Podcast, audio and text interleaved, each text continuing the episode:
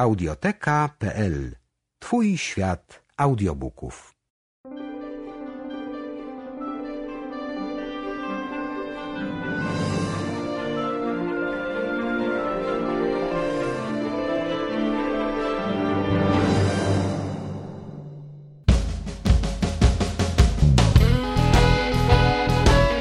Witamy wszystkich serdecznie w 40. odcinku Nadgryzionych. Dzisiaj jesteśmy ponownie we dwóch, ale tym razem z, z Boże skąd? No z nadmorza, ale południowego. Powrócił zaginiony, właściwie nie on, ale jego coś należące do niego, Dominik.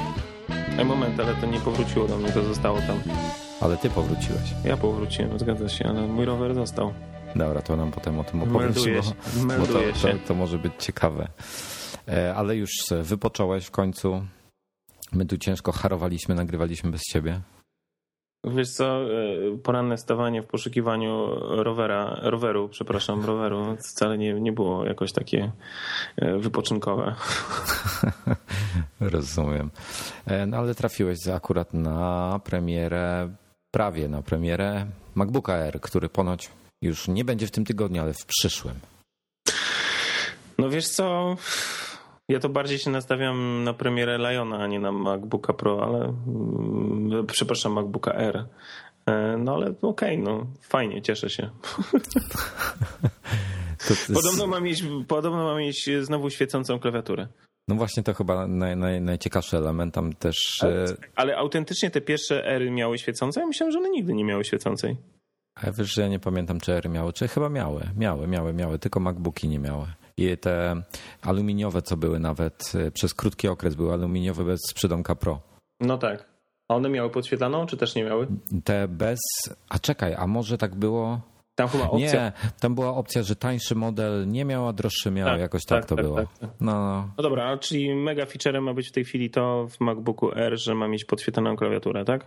Tak jest. Mamy trzy, trzy procki mieć w nim. Tam mają być jakieś e, i piątka podstawowa, i dwie, i E, siódemki. po- Poczekaj, poczekaj, poczekaj. A skąd ty to wiesz? A to ja to wyczytałem sobie. No ale że niby skąd? No, że a to jakiś 95 Mac czy któryś z tych o tym pisał. Wiesz co, może się okazać, że znowu będzie e, tak jak miało być, a nie Będzie- tak jak wszyscy chcieli. będzie, ko, będzie Cord Duo. I się wszyscy dziwią. No. E, Słuchaj, na, naj, najświeższe informacje e, mówią, że e, w ogóle nie będzie tej 64-gigowej opcji, jeśli chodzi o dysk, tylko że będzie właśnie e, 128 minimum, będzie 256, 500, o 512 nie wspominają, wątpię, że była, bo to będzie chyba pieruńsko, pieruńsko drogie. E, No i trzy procesory, i piątka, dwie i siódemki, 1,7 i siódemki ma być 1,7, 1,8 GHz, a więc to są te ULV, te Ultra Low Voltage. No ciekaw Czyli- jestem. Czyli będą długo działać. No. No zobaczymy. No Ja ostatnio oglądałem, jakaś przyszła do mnie pocztą e, reklama z Orange'a i dosyć śmieszna reklama, bo to jakaś taka wielka, wielka koperta. Myślałem, że przyszedł do mnie rachunek, ale zazwyczaj rachunek mniejszy przychodził, otwieram, a tam w środku taki jest e, e, wydrukowany e, ten wydrukowany jak to się mówi? Netbook. Wydrukowany No. netbook. No. E, taki wiesz na dwóch stronach, no nie, ale wygląda jak prawdziwy netbook. Otwierasz, jest monitor, klawiatura prawdziwa, z każdej strony go sobie możesz obejrzeć, bo są prawdziwe te elementy. Ale to, ale to jest wydrukowane, tak? Tak, tak, tak. No, to jeszcze Ale takim, płaskie, to nie jest trójwymi- nie- no nie nie, no, wydruk. No, Okej. litości, no. Po prostu, ale f- fajny pomysł. No i generalnie oni się chwalą tutaj, że ich, y, bo to jest y, no, netbook Samsunga, chwalą się, że pracuje e, ponad 10,7 godzin na baterii. A nie 10,8? A to jakaś różnica? No właśnie dlatego zastanawiam się, czy, czemu nie napisali ponad 10 godzin po prostu. 10,7 jest napisane. 10,7. No dobrze. To jest tak jakby mówić, że masz 173,2 cm wzrostu. Albo rozmiar buta masz. No dobra, to jest bardziej istotne może. No widzisz, no ale to, to tak y, tytułem dygresji lekkiej. Ciekaw jestem ile czasu będzie MacBook Air w takim razie nowy działał, bo, bo ja lubię jak komputer mi chodzi długo na baterii. Ja podejrzewam, że, że wiele się nie zmieni. 5-6 godzin mniejszy, 7-8 może większy. Jak wyłączysz flesza. Jak wyłączysz flasha oczywiście. Tak, tak, tak, duża różnica jest. Flash Ale zżera. Skusisz się w końcu na tego MacBooka R? Nie wiem, na razie jestem bardzo zdegustowany, ale to o tym też zaraz, Dlaczego zaraz jest, powiem. zdegustowany jesteś? No zaraz powiem, ale to przejdziemy do, do fragmentu życiowego. To, to, bo dzisiaj, No mamy, no, mamy, dzisiaj mamy dział życie. O rany boskie. No, Po prostu... będzie dramat. Nie, jest wakacyjnie. Ja, ja, będę, ja będę twoim psychoanalitykiem, rozumiem, tak? Tak. Pięknie. Napisz do Dominika. Dobra.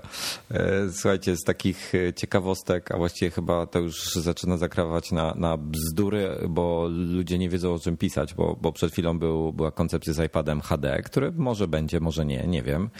E, Natomiast... Wiesz to, co Joshua powiedział, że w sierpniu będzie? Tak, tak, tak, tak. E, A nie pamiętam, czy on w A to on sierpniu się mówił. dowiedział Mówi, tego że w tym roku. Johna Rubinsteina? Nie, John Rubinstein to konkurencji pracuje przecież. Wiem, ale właśnie z nim chyba tam, nie wiem, wczoraj czy przedwczoraj rozmawiał, dlatego się pytam. A nie, no to o Motorola to ja nie wiem skąd on się dowiedział, a o, o iPadzie to nie wiadomo z jakich źródeł. Wiarygodnych twierdzi, więc zobaczymy. E, Natomiast Motorola ma budować kolejną wersję swojego Zooma, nie wiadomo jak się będzie nazywał oczywiście. Ma zrezygnować z formatu 16 na 9 na rzecz 4 na 3 i ma mieć właśnie taki ekran jak ma mieć iPad HD i ponoć będzie przed iPadem HD na rynku, także e, mam wrażenie, że że, że dopóki to, to się nie pojawi, to mam wrażenie, że komuś się bardzo, bardzo nudzi i już wymyśla te bzdury. A to naprawdę łatwo napisać. Y, Najnowsze raporty donoszą, albo źródło blisko firmy donosi. Ja też tak mogę zaraz napisać. No, to tak jak z tym iTunes Polska. No, No, nie ale, ale ja słyszałem od wujka, brata, y, siostry ciotecznej, babci, y, współloka, współlokatora sąsiada jego ojca, dokładnie, y, że jednak ten iTunes będzie w tym roku, słuchaj. Hmm. No dobra. No i tak samo pojawiła się plotka na temat y, Apple TV. No dobra, ale, Trzy. Ale ta, ta Motorola, bo tam żeś A, powiedział jedną chcesz- rzecz, no. powiedziałeś A, nie powiedziałeś B. No To tak jakbyś, kurczę... Bo mnie to zupełnie nie interesuje. No. Ale wiesz co, mi się wydaje jedno, No. że jeżeli, jeżeli pojawia się plotka o konkurencji, która w tym momencie na wszelką cenę próbuje pokazać, że będą mieli coś zajebistego przed iPadem, No. za- zaznaczając, No. i podają jakieś y, mniej lub bardziej, e, ale konkretne parametry, to można się spodziewać, że, że właśnie takie parametry będzie miał e, iPad i że no kurna, znowu on będzie wcześniej niż konkurencja. No słuchaj, wiesz co, jedna rzecz mnie bardzo dziwi. E, Fabryk produkujących matryce na świecie nie ma wiele, tak? E, Taka matryca 4 na 3 cala też nie jest typowym produktem. To nie jest w tej chwili powiedzmy produkt, który się będzie sprzedawał, wiesz, w setkach milionów sztuk, prawda? Tak jak... E, e, Znaczy, wydaje mi się, że w tej chwili to już się zrobiła dosyć topowym produktem, biorąc pod uwagę ilość sprzedanych iPadów. Nie, nie, ale ja mam na myśli taki, wiesz, high-rezowy, czyli te, te 2048 na 1536 pikseli. E, Tutaj pewnikiem, wiesz, dosyć duży odrzut będzie, bo tych pikseli dosyć dużo jednak jest na tej sporej, jakby nie patrzeć, powierzchni 10 cali. I wiesz, no nie wszystkie będą, zależy od kontroli jakości, pewnie jakieś bad piksele i tak dalej będą się trafiały. I teraz tak, Motorola, ym, chyba że ja się mylę, Motorola y, z tego co wyczytałem ma mieć tam 10 y, cali z hakiem, 10,3 a iPad rzekomo ma mieć 9,7, więc de facto są to dwa różne ekrany, pomimo tej samej rozdzielczości, tych, tych samych, yy, tej samej ilości pikseli. Także to są dwie różne, yy, nie wiem, no chyba, że iPad z, zrobię model większy po prostu, albo z cieńszą ramką. Cholera 21 cali taki. wie. 21 cali iPad. Na przykład. A Nie, czemu to- nie? No może kiedyś zrobią. Tylko on będzie musiał mieć taką tą, będzie musiał mieć jakiś system antygrawitacyjny. Żyro, antyżyroskopowy. Dobra, słuchaj, mniejsza. A propos mniejsza... żyroskopu, żyroskopu czy, czy... A nie, bo ty pewnie jeszcze najpierw chcesz o innych rzeczach pogadać, bo fajna gra wyszła, ale to, to mi przypomnij, to później powiem. Dobrze, dobrze. E, Jeszcze tak z takich szybkich e, plotek, ostatni news dzisiejszy to jest e, Apple TV 3. znaczy to nie o dzisiaj mówię, ale że ponoć ma się pojawić w tym roku i wraz z nim iTunes ma zaprezentować content e, oznaczony HD+.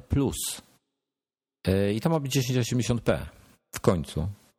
E, pliki ponoć będą miały w rejonie 10 megabitów na sekundę, więc nie jest źle, powiem szczerze, nie jest źle. To jest więcej niż przez satelitę dostajemy.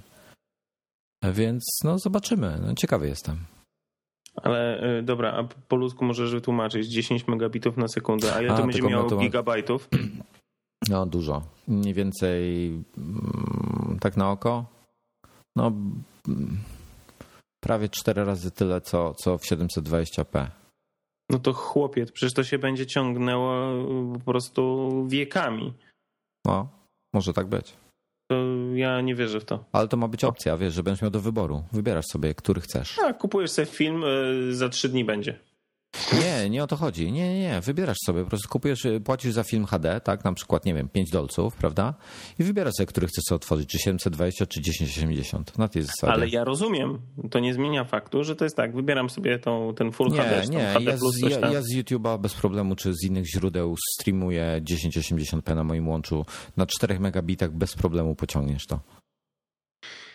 Yy, owszem, aczkolwiek chciałbym tylko zwrócić na jedną rzecz uwagę, że to, co się pojawia na YouTubie, jest mimo wszystko mniejsze niż to, co jest na e, e, Apple prawda. TV.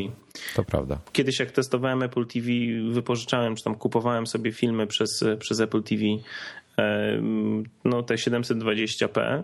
Mm to przyznam szczerze, przy moich 10 megabitach, no to nie było tak szybko jak 1080 na YouTubie. O, no słuchaj, kurczę, powiem krótko. No Norbert ma jakiś tam wiejski internet u siebie i jemu daje radę, to tobie nie da, no bez przesady. No nie obrażaj tutaj naszego kolegi. Nie, ja mu, jak ja jego internet to będę obrażał, bo ostatnio mu nawet Skype nie chciał działać. Ale może to była moja wina z drugiej strony, bo też mi coś tam szwankowało. No nieważne. E, myślę, że, że jest to krok w dobrym kierunku, bo ludzie chcą takich materiałów, jakby nie patrzeć. Mniejsza o to, czy będzie to się wolno, czy szybko streamowało. Ważne, żeby była rozdzielczość, tak, bo jednak telewizory są w większości w tej chwili już Full HD.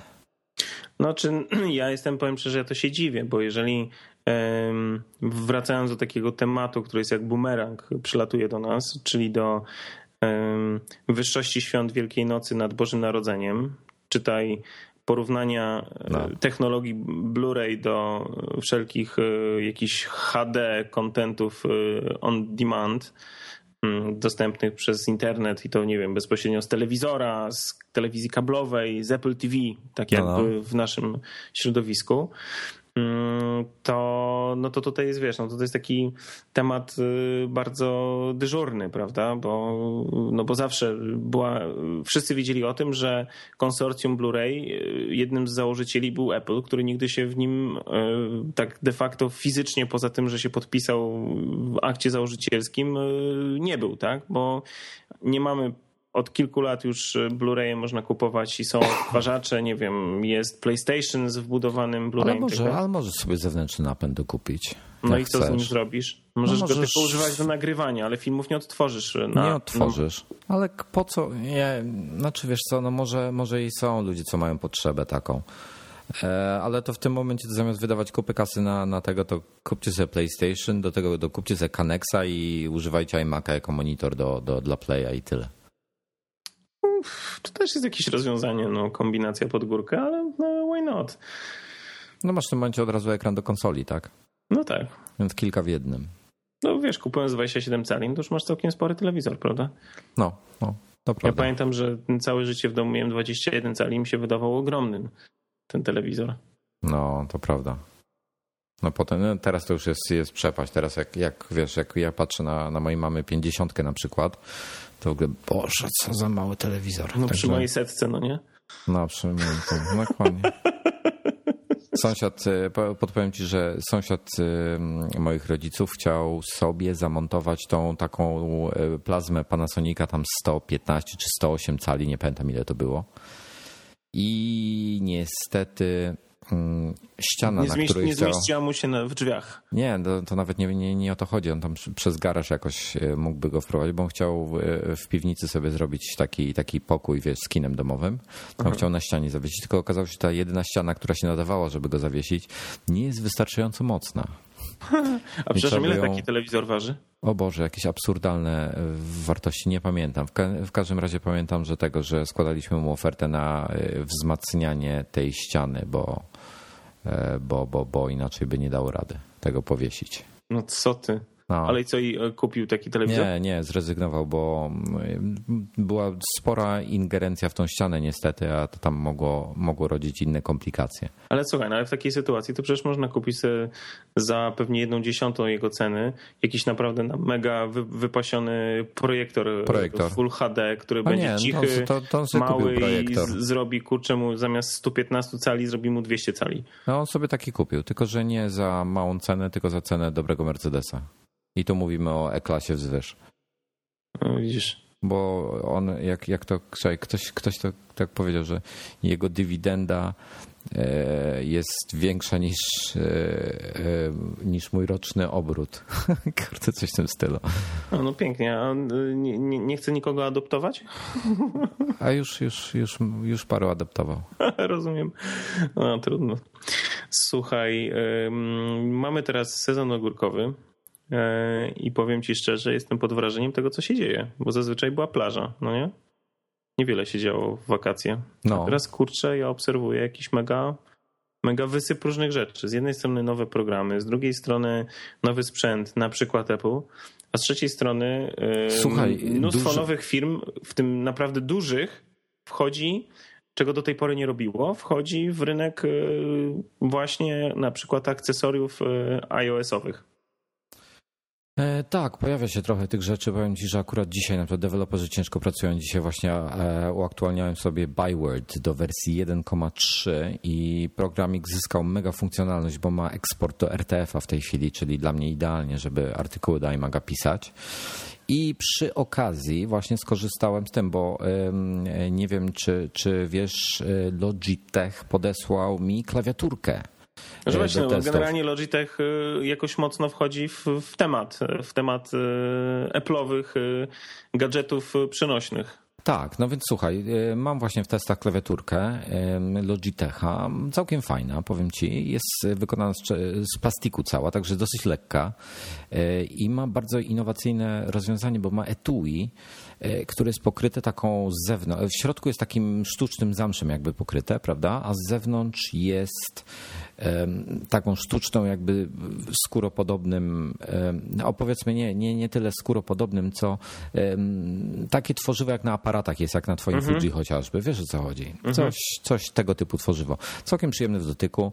E, Wygląda to całkiem solidnie, wzmocnione, wzmocnione to jest plastikiem, e, także jest to dosyć sztywne i ta klawiatura się w tym chowa, także to jest bardzo w ogóle e, mega zestaw do podróżowania. Ja mam, jestem zachwycony właśnie e, tym etui, bo ja mam problemy z podróżowaniem, wiesz, ze swoim iPadem i z klawiaturą zewnętrzną jak chcę e, bo po prostu nie jest to do końca wygodne. Ale słuchaj, etui ma, ma ten patent, że się rozkłada i tworzy stojak do iPada.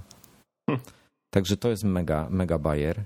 E, No i plus ma parę przycisków, których nie ma i to mnie bardzo zaskoczyło. Słuchaj, ma przyciski, y, których nie ma na, na klawiaturze Apple'a. Nawet jak, jak była ta przeznaczona do iPada wtedy, wiesz, z tym dokiem, e, to ma więcej przycisków niż tamta klawiatura. Między innymi ma Home e, i możesz sobie dwa razy pacnąć w klawisz Home i ci się podnosi belka multitaskingu, wiesz, jakieś tego typu rzeczy. O, super, to wygodne. E, No, bardzo fajnie. Słuchaj, na Bluetooth oczywiście paruje się dwie baterie.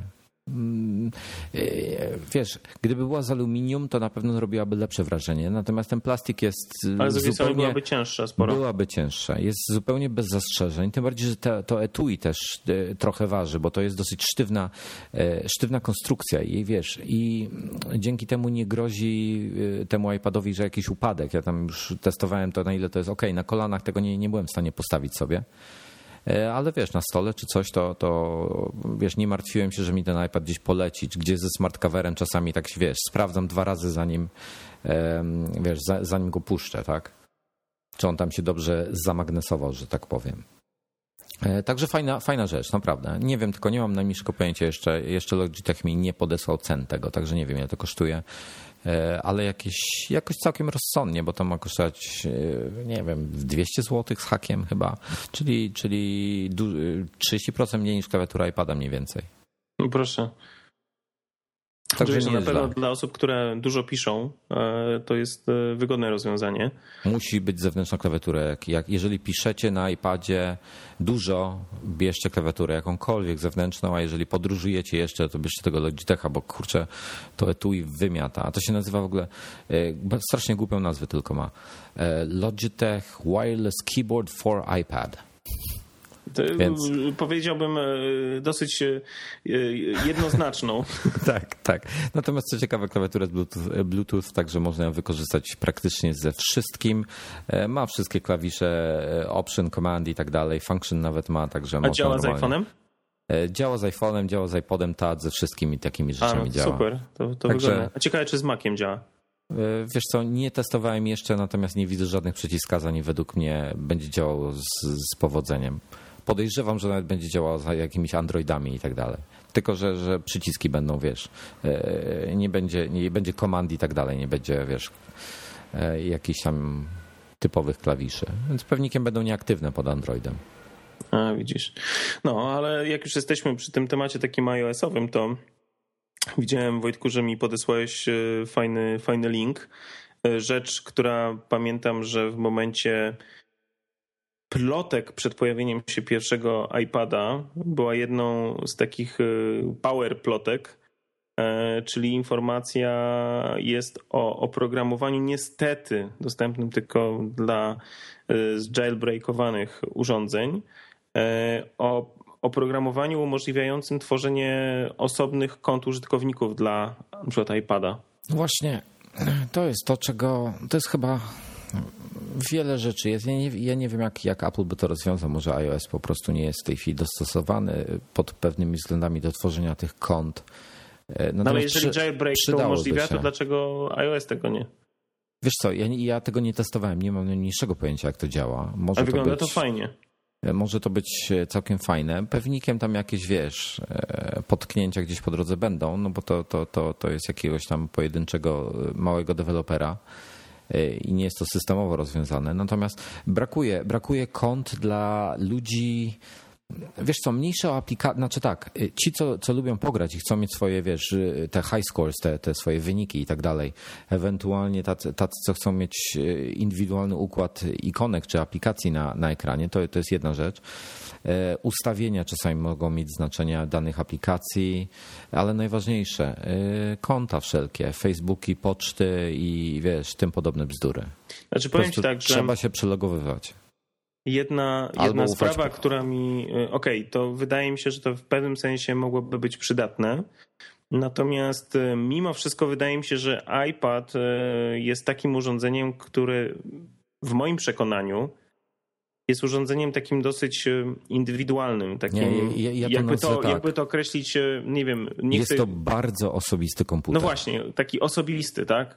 E, bardzo osobisty. W związku z tym tworzenie jest... osobnych kont, to tak mi tutaj niezbyt pasuje. No. Ale słuchaj, weź sobie wyobraź na przykład sytuację, gdzie ty z iPada korzystasz w dzień, tak? Twoja żona korzysta wieczorem, bo, bo ty sobie w dzień na nim pracujesz, twoja żona wieczorem chce sobie, wiesz, usiąść na kanapie, poczytać coś i tak de facto, i przy okazji sprawdzić sobie maila, no to de facto musicie mieć dwa, tak? No chyba, że jej bardzo ufasz, że ci będzie grzebała w poczcie i nie masz kochanek. Ma, e, nie mam kochanek to A, e, ufam mojej żonie to, to B, a generalnie C nie mam nic do ukrycia, także Ale wiesz, wiesz o co problemu. chodzi. Wiesz o co chodzi, że, że nie, nie, nie, niektórzy chcieliby jednak e, mieć te rzeczy odseparowane. Na przykład już nie mówię tutaj o mm, nawet o, o czytanie, wiesz, cudzej poczty, tak? Tylko mówię tu o takich rzeczach jak, jak Facebook, że albo musisz się decydować na osobne aplikacje, że jedna osoba korzysta z takiej aplikacji do Facebooka, druga na przykład przez www się loguje, albo trzeba się przelogowywać za każdym razem. No, upierdliwe. No, teoretycznie tak. Teoretycznie tak. Coś takiego myślę, że by się przydało. Myślę, że kiedyś to zobaczymy, może jeszcze nie teraz, ale osobiście Wiesz, uważam, no, że. Umówmy to... się w pewnym sensie. Y, iOS jest pochądną y, OS Xa OS X jest FreeBSD, czyli w jakąś tam pochodną e, zbliżoną do Linuxa, gdzie konta to użytkowników to jest rzecz e, normalna i święta, tak? No, na tym, po, pod samym iOS-em są przecież konta, masz, masz ruta chociażby, żeby daleko nie szukać, tak? E, więc to jest kwestia implementacji tego od strony graficznej, myślę, że tylko i wyłącznie. No zobaczymy. Niemniej jednak to wygląda dosyć ciekawie e, i to dla hardkorowców, e, którzy byliby czymś takim zainteresowani. E, to się jakoś nazywa? Jak to się nazywa? iUsers, iUserList, i, i coś takiego. iUsers. No, właśnie. iUsers. No to jak macie ochotę pobawić się, to możecie przetestować. Jak będziecie mieli jakiś Mm, oczywiście, jeżeli, jeżeli macie jailbreaka. Tak, tak, tak, tak, oczywiście. Ale jeżeli będziecie mieli jakieś przemyślenia, ktoś to z Was przetestuje, to z miłą chęcią y, podzielcie się z nami tym, z chęcią posłuchamy i, i zobaczymy. No słuchaj, e, to tutaj jeszcze zaproponowałeś temat o ciekawie brzmiącym tytule, o którym nie mam najmniejszego pojęcia o co chodzi, ale kojarzy mi się z piosenką z lat, nie wiem, 80. chyba, e, wykonywaną przez rapera zwanego KRS-One. I może, może wrzucę fragment tej piosenki jeszcze tutaj, tutaj e, między nasze słowa. Powiem ci, nie znam e, rapera mm, KR1, nie wiem jak on się tam, nie, nie zapamiętałem. No. W każdym razie e, blisko, blisko. Chodzi mi konkretnie o najnowszą produkcję Gameloftu grę pod tytułem 9 mm. Dosyć... To są ci, co wszystko od wszystkich zwalają i robią klony? No to, to jest ta, kurde, mega największa e, firma robiąca gry w tej chwili na iOS. Okej, okay. to są ci, co kopiują wszystko inne. Tak, tak, tak. Okej, okay. i 9 mm. I nie tylko, nie tylko kopiują, bo również... E, no robią własne rzeczy też chyba, Robią prawda? własne rzeczy, ale również robią na licencji niektóre A. produkcje. I co to jest te 9 mm? Słuchaj, 9 mm e, jest czymś pewnym sensie coś takiego jak GTA, ale jesteś policjantem, czyli od drugiej strony. No, e... ale, ale to ja się tak szybko zapytam. Trzeba mieć ten taki plastikowy dings pod, pod kciuki, żeby wygodniej było? To, co sobie ostatnio zanabyłem, wiesz co, tak. e, można, myślę, że można, jeszcze nie testowałem z tym, aczkolwiek jest mega e, dziwne sterowanie no. Trzeba się przez chwilę przyzwyczaić, potem się okazuje, że to jest kurczę very clever, że to jest naprawdę ktoś sensownie wpadł na, na, na taki pomysł. Bo na początku, o, o co chodzi? Sterowanie jakby widokiem, obracanie się, patrzenie się jest, y, dzień, y, jest stworzone czy tam kontrolowane poprzez żyroskop. A, czyli musisz się fizycznie obracać. Słuchaj, jest kurna tak genialnie to zrobione. Ja jestem po prostu pod wrażeniem. Na początku. Ej, to, jest, to jest dobre, żeby schudnąć. Słuchaj, na, ja na początku, na początku stwierdziłem, że nie, no nie jestem w stanie tego ogarnąć, bo za dużo tych ruchów musiałem wykonywać. Jak no. przełączyłem się, wiesz, wyłączając ten żyroskop, żeby normalnie pod prawą ręką mieć e, sterowanie kamerą, no to błyskawicznie mnie rozwalali. To było tak, że no błysk, tak? Po prostu nie byłem w stanie nadążać e, za prędkością akcji, jaka tam była. Natomiast jak, jak właśnie steruję tym całym iPadem jako e, właśnie kamerą, e, w, pod lewym kciukiem mam przód, tył, lewo, prawo, no i pod prawym kciukiem mam tylko ogień, no to to się gra zajebiście. Naprawdę. No ale wracając do fabuły, o co chodzi? To jest, jesteś policjantem, pracujesz w jakimś e, mm, dużym mieście, w takiej dzielnicy opanowanej przez gangi, no i musisz tam jakieś rozwiązywać e, sprawy policyjne, zagadki, nie wiem, suspense. No daleko jeszcze nie zaszedłem, także nie za bardzo wiem o co chodzi. Natomiast to, co mnie rozwaliło, to jest grafika. Słuchaj, po prostu e, grafika jest zoptymalizowana i w ogóle te wszystkie jakieś funkcje w tej grze są zoptymalizowane pod iPoda, iPada drugiego. W związku z tym, no. Ale działa na jedynce, czy, czy działa, nie, działa. nie jest polecane? Te, nie, nie, teoretycznie działa, tak? Natomiast Ale wolno?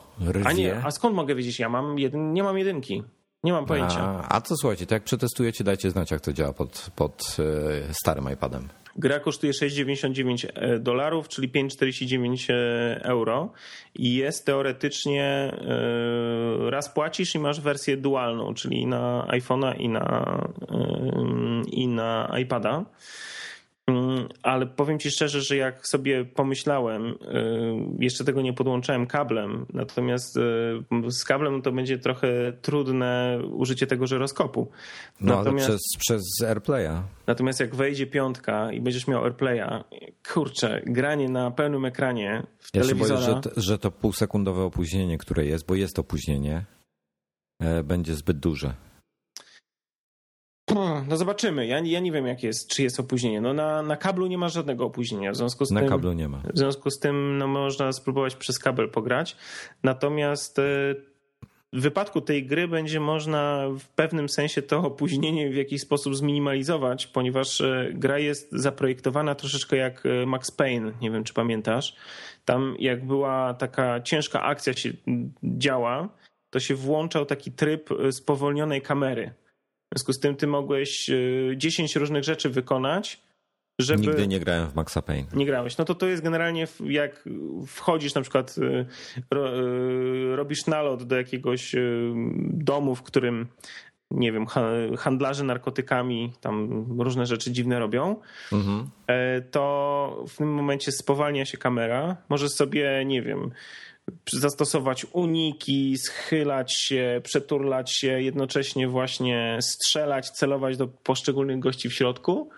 No i wiesz, tam trwa oczywiście to, nie jest to tak cały czas, tylko trwa to kilka sekund to spowolnienie, ale to też jest fajny, fajny, fajny feature, naprawdę. Hmm. I oczywiście, oczywiście. E, to jeszcze raz. Rap.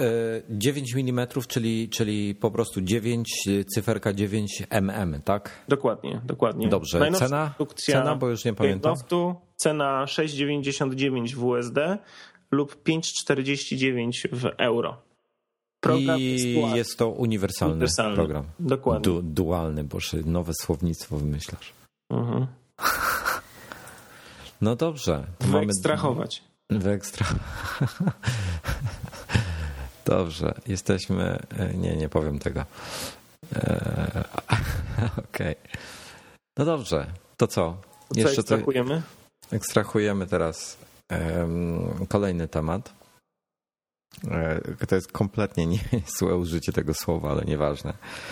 E, chcieliśmy, chcieliśmy Wam przypomnieć wakacyjnie o Audiotece, naszym wspaniałym partnerze, e, który oferuje różne aplikacje mobilne na, na trzy chyba największe platformy u nas, czyli na Nokia, na Androida i oczywiście dla iOS.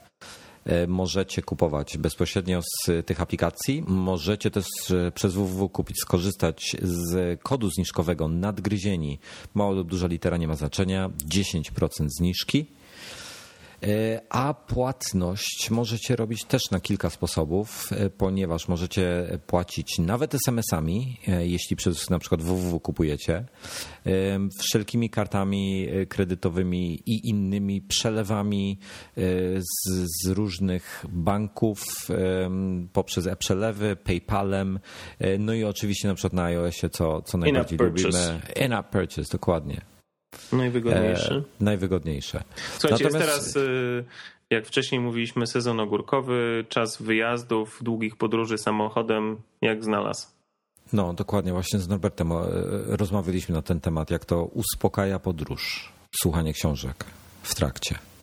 E, poczekaj, musimy przerwać na moment. Mam, ktoś dobija się, dobra? Halo, halo, stop, stop, stop. No i Dominik sobie poszedł, więc siedzę sobie tutaj sam i patrzę na to, co chciałem mówić. Zaproszę Was może dzisiaj bezpośrednio na Facebooka Audioteki, czyli facebook.com slash audioteka. Wejdźcie tam sobie e, na tablicy tejże, te, tego fanpage'u. Na samej górze znajdziecie fajny link a propos książki, która, która ostatnio była, e, trzy, chyba, trzy czy cztery rozdziały już poszły. Chodzi o Umberto Eco, imienie, imienie, imię Róży. I u Jonasza Drobniaka, taki jest chyba tytuł tego bloga, Już mówię, historie w tramwaju pisane. Jest ciekawy e, artykuł na temat. Warto, myślę, e, wejść go sobie przeczytać, bo jest, bo jest całkiem ciekawy. E, a w międzyczasie zapraszamy do, na audiotekę.pl lub za pomocą aplikacji na różne platformy mobilne. Oczywiście kod promocyjny nadgryzieni, 10% zniżki, ale działa tylko jak przez www kupujecie. Jeżeli wygodniej e, wam przez in-app purchase, no to się oczywiście nie krępujcie. A dzisiaj będzie zaskoczenie na koniec, bo jeszcze nie wiem, czy dam kolejny rozdział imienia Róży, czy może coś innego. Niestety dalej czekamy na kolejne książki, e, znaczy kolejne pierwsze e, rozdziały E, pozycji, którą bardzo lubię, która ostatnio stała się bardzo słynna, czyli Gry o Tron George'a R.R. Martina. Serial leciał na HBO. E, będzie to w audiotece, nie wiem jeszcze kiedy. Cały czas czekamy. Premiera ma być de facto w nadgryzionych, jakieś poszczególnych fragmentów, także myślę, że będzie ciekawie. No dzień dobry, witam szanownego pacjenta, doktor Łada. Proszę usiąść, rozgości się pan mi powie, co u pana w życiu. No tak. Mamy, mamy teraz nasz dział życiowy i mikrosim mi padł. Ale nie wstał? Nie wstał. I padł. Ale nie, nie iPad, tylko i padł. Mikrosim. No dobrze, niech pan e, Słuchaj. powie, dlaczego pan uważa, że panu padł ten mikrosim? Znaczy tak, tak do końca to nie wiem, czy on mi padł, czy nie, ale, ale skończyło się w ten sposób, że tak. Tam testowałem jak jeszcze tego Google Nexusa, to tam parę, chyba dwa razy mi się pojawił komunikat, że brak karty SIM, czy coś w tym stylu. Ale stwierdziłem, że tam w tym adapterze jest może nie do końca dobrze siedzi, nie przejmowałem się tym. Potem przełożyłem kartę z powrotem do swojego iPhone'a. E, I po jakimś czasie od e, bety drugiej pojawiło mi się brak karty SIM. Ja tak pomyślałem, kurde, pewnie coś z betą jest, to będę z Norbertem gadał, to się go zapytam, czy też to ma, czy nie. No i tak, wiesz, to wystąpiło raz, potem było pięć dni przerwy, potem znowu wystąpiło drugi raz, potem brak zasięgu był, jakieś takie, takie drobne błędy. No i przedwczoraj już tak zaczęło być dramatycznie, że w ogóle prawie cały czas stwierdziłem, kurde, no mam uszkodzonego iPhone'a. Przełożyłem kartę do, do e, drugiego telefonu i on tam poszła, o dziwo. Przełożyłem z powrotem do iPhone'a, poszła. Tak się trochę wyluzowałem. No i potem już przestało znowu, znaczy znowu zaczęło świrować. I wczoraj się udałem do salonu Plusa, żeby mi wymienili kartę po prostu. No I to się okazało bardzo skomplikowaną operacją, ponieważ e, okazuje się, że moje konto jest obsługiwane przez opiekuna, a nie przez e, plusa jako, jako takiego. I skończyło się na tym, że pracownik. Kurde, helikopter leci, czekaj. Dobrze, poleciał. I skończyło się na tym, że, że konto jest obsługiwane przez pracownika, e, nie przez pracownika plusa, tylko przez jakiegoś tam zewnętrznego opiekuna, który, który o mnie niby dba i tutaj nie zadbał, ponieważ okazało się, że konto dla pracownika plusa jest zablokowane i nie może mi wymienić karty. Musi to zrobić e, opiekun. A, a teraz wiesz, co jest jeszcze lepsze? Opiekun jest na urlopie. Hmm. Więc generalnie... Czy musi pan, czy to ma jakiś wpływ, yy, jakieś historie z pana dzieciństwa na to? na pewno. E, nie, tak na serio, słuchaj.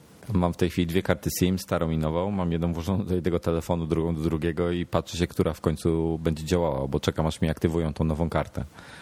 I czekam od wczoraj i powiem, że już chyba się dzisiaj nie doczekam. No to jak się dzisiaj nie doczekasz, to kurczę, przez weekend też pewnie będziesz miał słabo. No właśnie, zaraz e, mi pomożesz i zadzwonisz w moim imieniu do mojej opiekunki, bo dzisiaj powinno być. A dlaczego ja mam zadzwonić? Bo ja nie mam telefonu. Ty nie masz nawet stacjonarnego? Nie, no co ty. Znaczy, e, mam linię, gdzieś tam gniazdko pewnie też się znajdzie, ale nie mam telefonu. No proszę, ty jesteś kurczę jakiś taki hop do przodu strasznie. No a po co mi stacjonarne? A ty masz? Oczywiście. A co to jest telefon stacjonarny?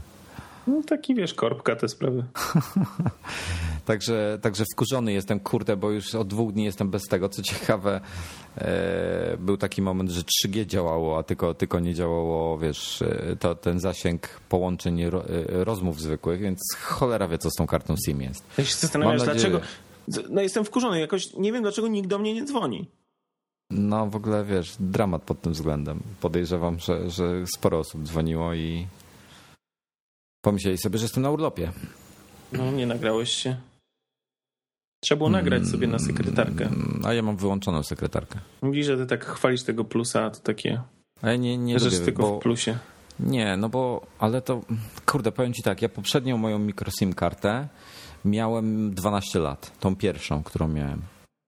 Ten microSIM to kurde, co się w czasie przeniosłeś? W przestrzeni, No i- cholera, one są dopiero od roku. Nie, moją oryginalną kartę, SIM, taką zwykłą, No, mini SIM, tak, no. e, miałem 12 lat. No, no ja mam właśnie, ja mam właśnie tak swoją kartę u siebie. No i ona, wiesz... 10, 14 lat mam. No, oni mi ją sprawdzali teraz, jak ją oddawałem, tak z ciekawości, bo facet chciał sprawdzić, ile ona ma, właśnie mi tam wyliczył, że ma 12 lat.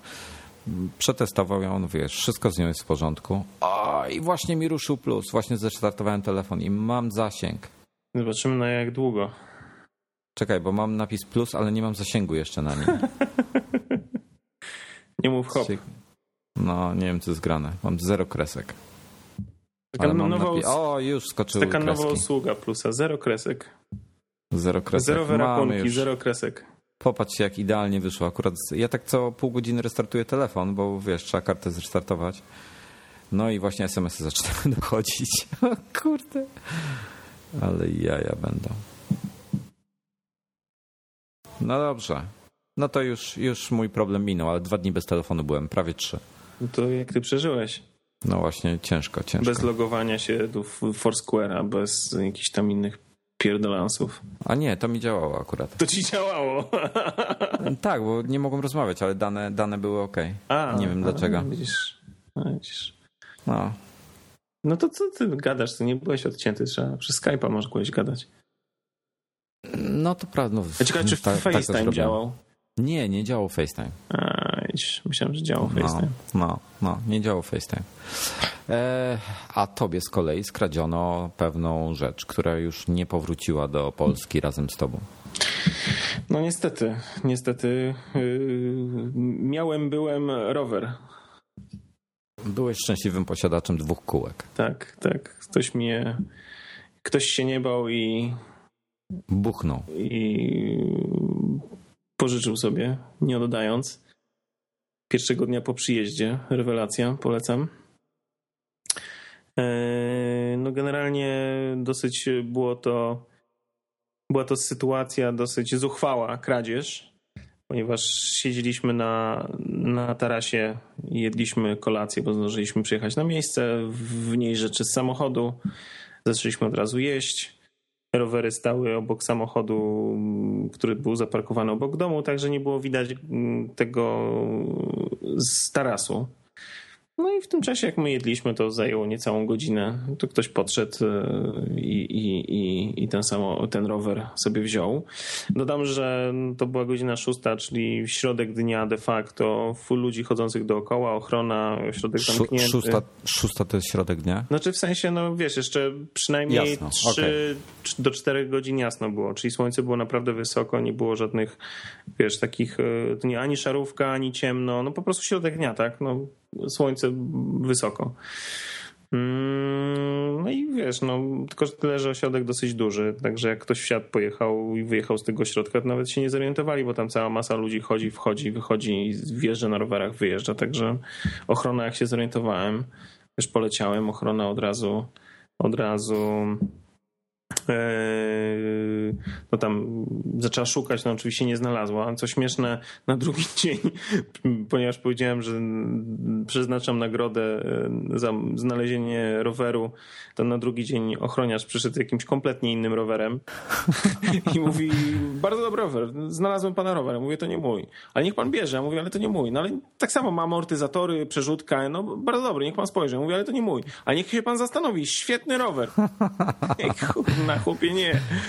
Także, także O generalnie, wiesz, no zgłoszenie na policję Prze- oczywiście. przedsiębiorczy był. Oczywiście zgłoszenie na policję, pojechałem tam, e, ileś czasu straciłem, e, to całe spisane, po- jak się... Jak Ale po co ty to robiłeś, wytłumacz mi. No bo ja chciałem, żeby mi ktoś ten rower pomógł znaleźć, albo ktoś cokolwiek zrobił, tak? Ale w jakim ty świecie żyjesz? O Jezus, ja jestem idealistą. No w każdym razie y, Przecież nie, nie było takiej opcji. Bo, bo, bo, bo to jest dosyć istotne w tej całej historii, że okazało się, że słuchaj, e, jak byłem na komisariacie, e, zaparkowałem na miejscu na miejscu dla, e, na, na parkingu policyjnym, zaznaczam, parking policyjny pod komisariatem. No. I ukradli ci drugi rower. Nie. I siedziałem tam, zeznawałem na komisariacie. Do głowy by mi nie przyszło, że parking policyjny jest płatny. W związku z tym, stary, wychodzę z komisariatu, a mam klemę na, y, na, na kole. No co ty? I oczywiście co?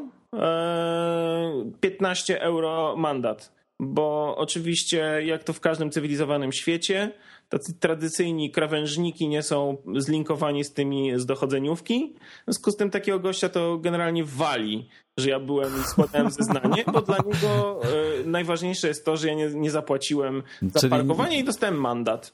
Czyli nie, nie dość, że ci skroili rower, to jeszcze musiałeś z- za to zapłacić. Ja pokazuję temu, wiesz, palantowi, po prostu kurde niebieskiemu. Mówię, człowieku, no zobacz, mam tu zeznanie na policji podstemplowane. On mówi, dla niego kein problem. Bezeliren, tak, do mnie, po niemiecku. Ja mówię, kurde. Się kłuć z takim jełopem, no, po prostu krawężnikiem. Czyli wniosek jest taki, jako nie, że nie miałeś e, wpisać. Jak jest rower po niemiecku? A ja wiem, ja nie mówię po niemiecku. Nie mam pojęcia. E, No to e, rozumiem, że nie miałeś funkcji Find My Bicycle. No nie, ale właśnie to od razu mnie skłoniło do tego, ta myśl, że na maksa ludzie, jeśli rower rowerem, ale macie też iPhony, i- iPady, e, komputery, włączcie tą funkcję Find My iPhone. Jest darmowa. Jest darmowa, po prostu pomoże przynajmniej w jakiś sposób e, odnaleźć. Na laptopach sobie powłączcie Preje, Witnessy, hi- Hiddeny, hi- czyli Hidden, Bóg wie co jeszcze po prostu, dla bezpieczeństwa, Bezpieczeństwo własnego. warto. E, Taki klasyczny złodziej zazwyczaj nie ma pojęcia o, większego o, e, o sprzęcie, który kradnie, bo to okazja czyni złodzieja. W związku z tym nie będzie wiedział, że ma zainstalowanego trackera właśnie jakiegokolwiek na którymkolwiek z tych urządzeń. W związku z tym będzie dużo łatwiej go e, namierzyć, odnaleźć. Zresztą bardzo fajny tekst będziecie w wakacyjnym iMagu mogli przeczytać o odnajdywaniu iPada. Ja już po prostu naprawdę jestem pod wrażeniem. Dobry tekst, dobry tekst. Będzie na 100%, tak? Gdzie na 100% jest y, już, także spoko. No to też nie mogę się doczekać, aż go będę mógł przeczytać, bo, bo go nie znam.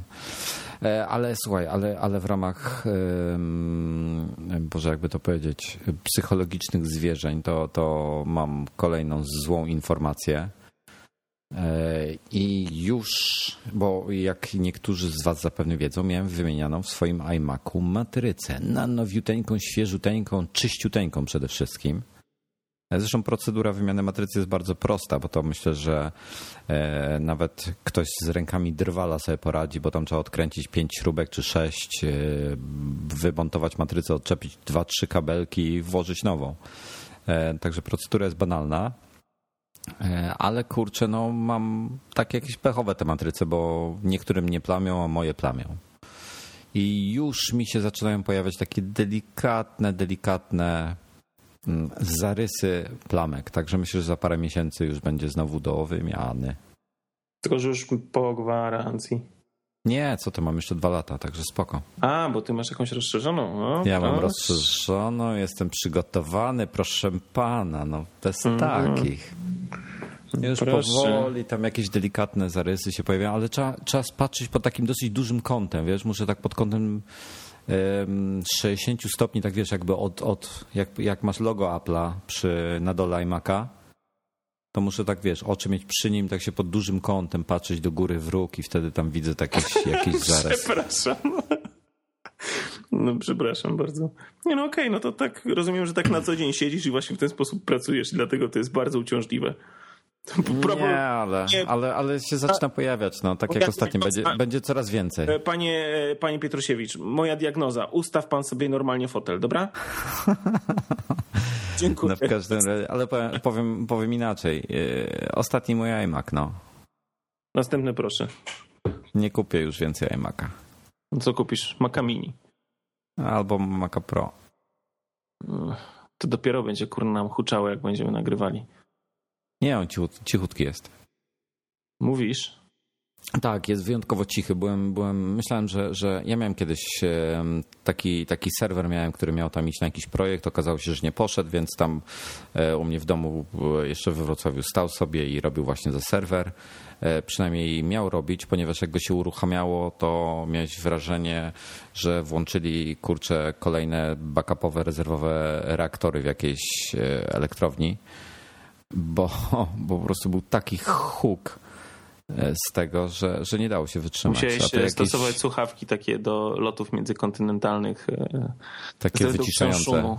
Tak, tak, takie aktywne, no dokładnie. Nie, była tragedia, powiem ci, że była tragedia. On to był intelowy serwer i on strasznie głośno wył, ale była po prostu, no jakbyś wiesz, jakiś taki wiatrak sobie do ucha taki przystawił, który się kręci, nie wiem, 10 tysięcy obrotów na minutę. Masakra.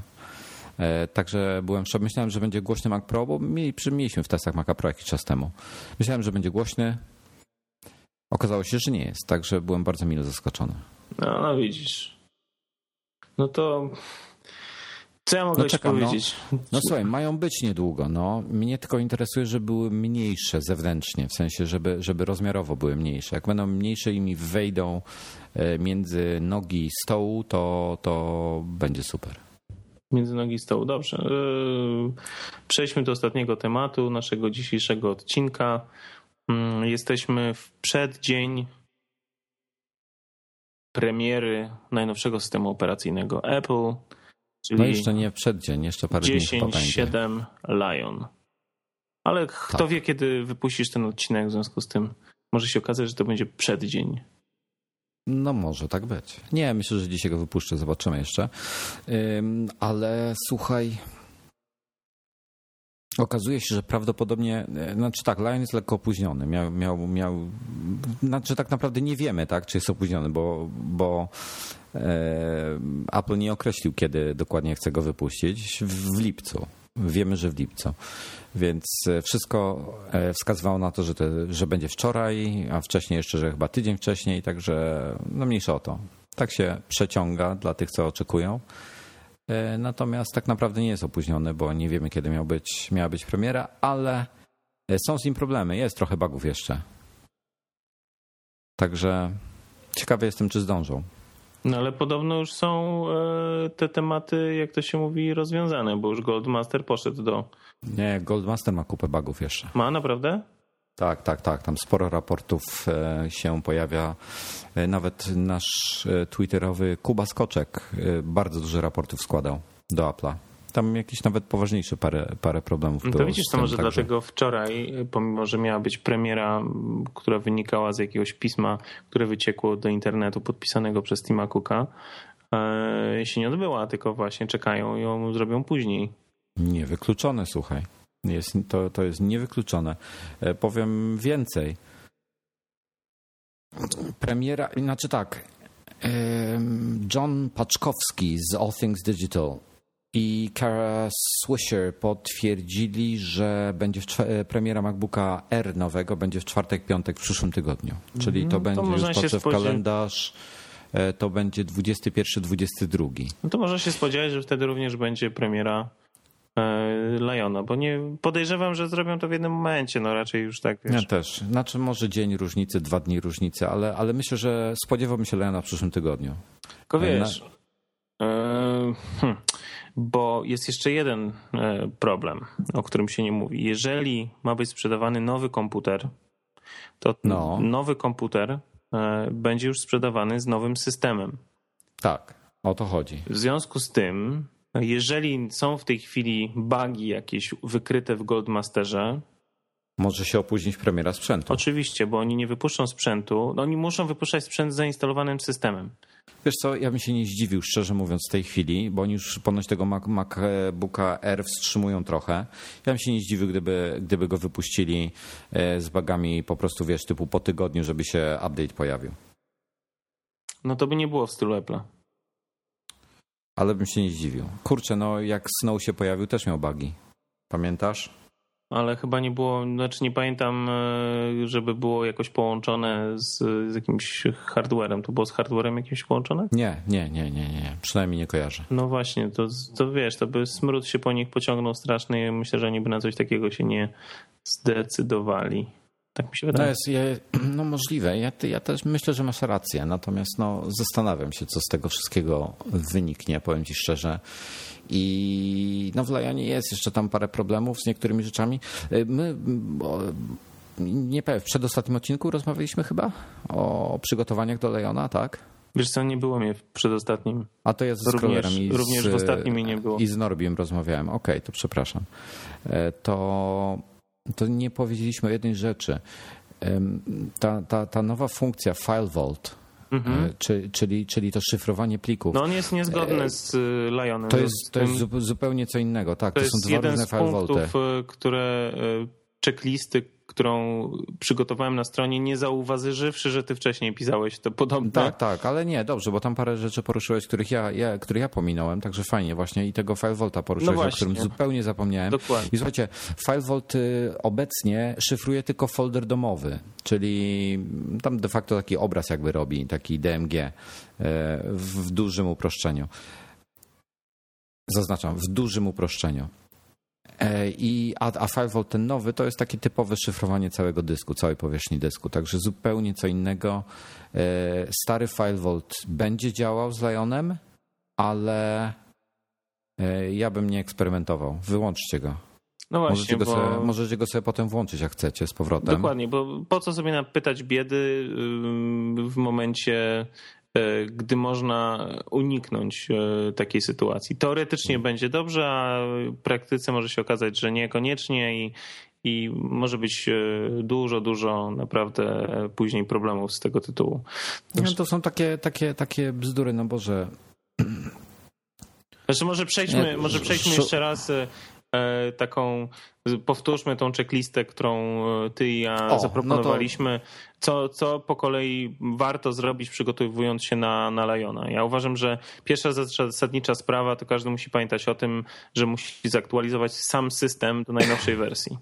Do 10,6,8 zgadza się. Y, Ty, ty jak zwykle polecasz y, combo. Ja nigdy jeszcze w życiu combo nie instalowałem. Dlaczego polecam combo? Dlatego, że jeżeli często e, stosujemy, instalujemy jakieś różne programy, potem je odinstalowujemy, nie mówię o wyrzucaniu tego do kosza po prostu, ale używając programów jakichś odinstalowujących, e, które no więcej wyrzucają niż takie klasyczne przerzucenie do kosza, e, może się tak zdarzyć, że coś nam przestanie działać, bo coś się za dużo wy, wyrzuci i instalacja pakiet, takiej paczki combo e, no powoduje, że są instalowane wszystkie poprawki i wcześniejsze e, aktualizacje za jednym zamachem, czyli jest taki no takie od, odświeżenie, odświeżenie twojego systemu. W związku z tym, no ja zawsze wszystkim polecam combo. Ok, to nie jest tam jakieś y, kilkaset mega, tak jak to jest zwykle, tylko to zazwyczaj combo ma powyżej giga, no bo ma skomasowane w sobie te wsze- wszelkie wcześniejsze również poprawki, ale myślę, że to jest war, warte rozważenia rozwiązanie. Jeżeli mamy trochę czasu, to jesteśmy cierpliwi, łączy szybkie, to za, polecam. zanim, z- zanim odpalicie combo, naprawcie uprawnienia. Wejdźcie w Dokładnie. narzędzie, w narzędzie dyskowe, które się znajduje pod e, folderem narzędzia bodajże w aplikacjach. Albo w Spotlightie wpiszcie po prostu Albo w narzędzie dyskowe. dokładnie. I odpalcie tam funkcję na, na, na Macintosh HD, kliknijcie na Macintosh HD i napraw uprawnienia, czy coś w tym stylu. Tak, tak. E, Także to, to, to jest podstawa. Pamiętajcie, backup, to co z Norbim rozmawialiśmy. Od, zróbcie sobie obraz dysku, albo Super Duper, albo Carbon Copy Cloner. Dokładnie. Zróbcie sobie na zewnętrzny dysk obraz, najlepiej bootowalny, czyli, czyli możecie z niego zbutować komputer. E, Bo jak coś się stanie, to po prostu macie e, żywca, z którego możecie nawet pracować, tak? E, Znaczy, dobrze powiedziałem? Z którego możecie pracować. No, dobrze Okej, No powiedziałeś. powiedzmy. E, Twój, twój Możecie Polish sobie... improving. My Polish jest lepszy. E, Słuchajcie, możecie, znaczy tak, instalacja na czysto, też z Norbim poruszaliśmy ten temat. Nie trzeba tego robić. Jeżeli bardzo chcecie z jakiegoś powodu zrobić instalację na, na czysto, to ja bym to zrobił w ten sposób. Że, znaczy tak, można przygotować pendrive'a, to już, no chyba, że coś Ja- się zmieni ja mogę, w tej ostatecznej mogę wersji. grosze dorzucić, nie wiem, nie, nie, nie miałem okazji jeszcze przesłuchania tego, co wy mówiliście No. o tej instalacji na czysto. Natomiast y, ja mam taką jedną uwagę wynikającą z doświadczenia. Mm. Jest sens robić instalację na czysto, jeżeli zmieniamy hardware yy, i nie mówię o całym komputerze, ale wystarczy, że zmieniacie dysk. Ponieważ robienie, k- sklonowanie dysku, gdzie będzie inny dysk, gdzie był inny dysk wcześniej yy, i, i, i klon, odtworzenie z tego klona na, na nowym dysku faktycznie spowalnia. Bo y, to wynika z tego, że system, nie wiem, czy to są jakieś rejestry, gdzieś tam poszukuje tego starego dysku, y, ale to tylko spowalnia w momencie startu komputera. On poszukuje najpierw tego starego dysku, nie odnajdując starego dysku, dopiero ładuje z tego nowego dysku, który de facto jest no, jego głównym dyskiem, tak? Co ty mówisz? Co ty wygadujesz? Miałem coś takiego, autentycznie miałem coś takiego, jak, jak zmieniłem dysk w swoim, swoim komputerze. Dopóki instalowałem poszczególne systemy jedne na drugich i nie wymieniałem samego dysku wewnątrz komputera, nie ma sensu y, według mnie instalacja od, od, no, od podstaw. Wystarczy zrobić właśnie porządne jakieś tam combo, naprawić te uprawnienia, wszystkie jakieś aktualizacje wprowadzić i wszystko jest ok. Natomiast jeżeli zmienia się dysk, chce się, żeby było od początku system miał y, odpowiednią tą ścieżkę instalacyjną, czy tam y, uruch... Ale, ale ty robisz obraz tego dysku, to, to, to nic się nie zmienia. Tak, ale obraz dotyczy Wojtku. Znaczy nie obraz, tylko klon, przepraszam. Okej, klon robisz, tylko że w tym klonie y, każdy dysk, każde urządzenie ma jakieś y, swój, swoje unikalne, y, wiesz, odniesienia, tak? Nie wiem, jak to określić. Ktoś mi kiedyś to tłumaczył, to nawet mi chłopaki z MacLife'a tłumaczyli. I ja się zastanawiam, dlaczego po sklonowaniu mojego dysku z, jak miałem, jak zmieniałem na, jak zmieniałem na SSD, z mojego No. zwykłego dysku na SSD, dlaczego mi dłużej się uruchamia? Przecież na SSD powinno być pstryk, no nie? I to właśnie chodziło o to, że najpierw system jak się odpalało, to ten EFI tutaj zaczął czesać, gdzie tam mu się ten... E, No może. To, ina, to inaczej. To jak macie jakieś doświadczenia z tym związane, zostawcie nam komentarz. Chętnie, chętnie się dowiemy. bardzo proszę, ja też, też chętnie posłucham. No słuchajcie, jeśli chodzi o tak, możecie przygotować sobie pendrive'a z systemem, bo oczywiście trzeba go pobrać. Pewnie niektórzy z Was mają więcej niż jednego Maca, to bez sensu pobierać te 4 giga tam kilka razy. Możecie sobie pendrive'a przygotować. Jak już będzie Lion i tak dalej, to, to drukniemy procedurkę przygotowania tego. E, Zobaczymy, czy to dalej będzie działało tak jak, jak z obecnymi wersjami. E, To, to jest jedna rzecz. Można też na DVD oczywiście wypalić, ale to pendrive szybszy, więc e, chyba lepsze rozwiązanie, tym bardziej, że są tanie. I, i, I co jeszcze?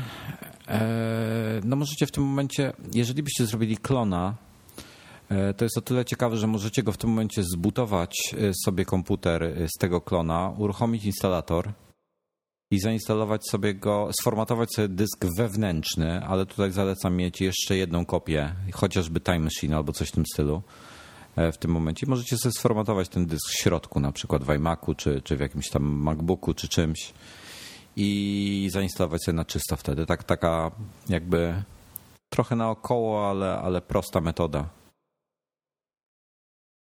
którą, którą chyba wszyscy powinni załapać. Tak czy nie? Chyba tak. Rozkojarzyłeś się znowu.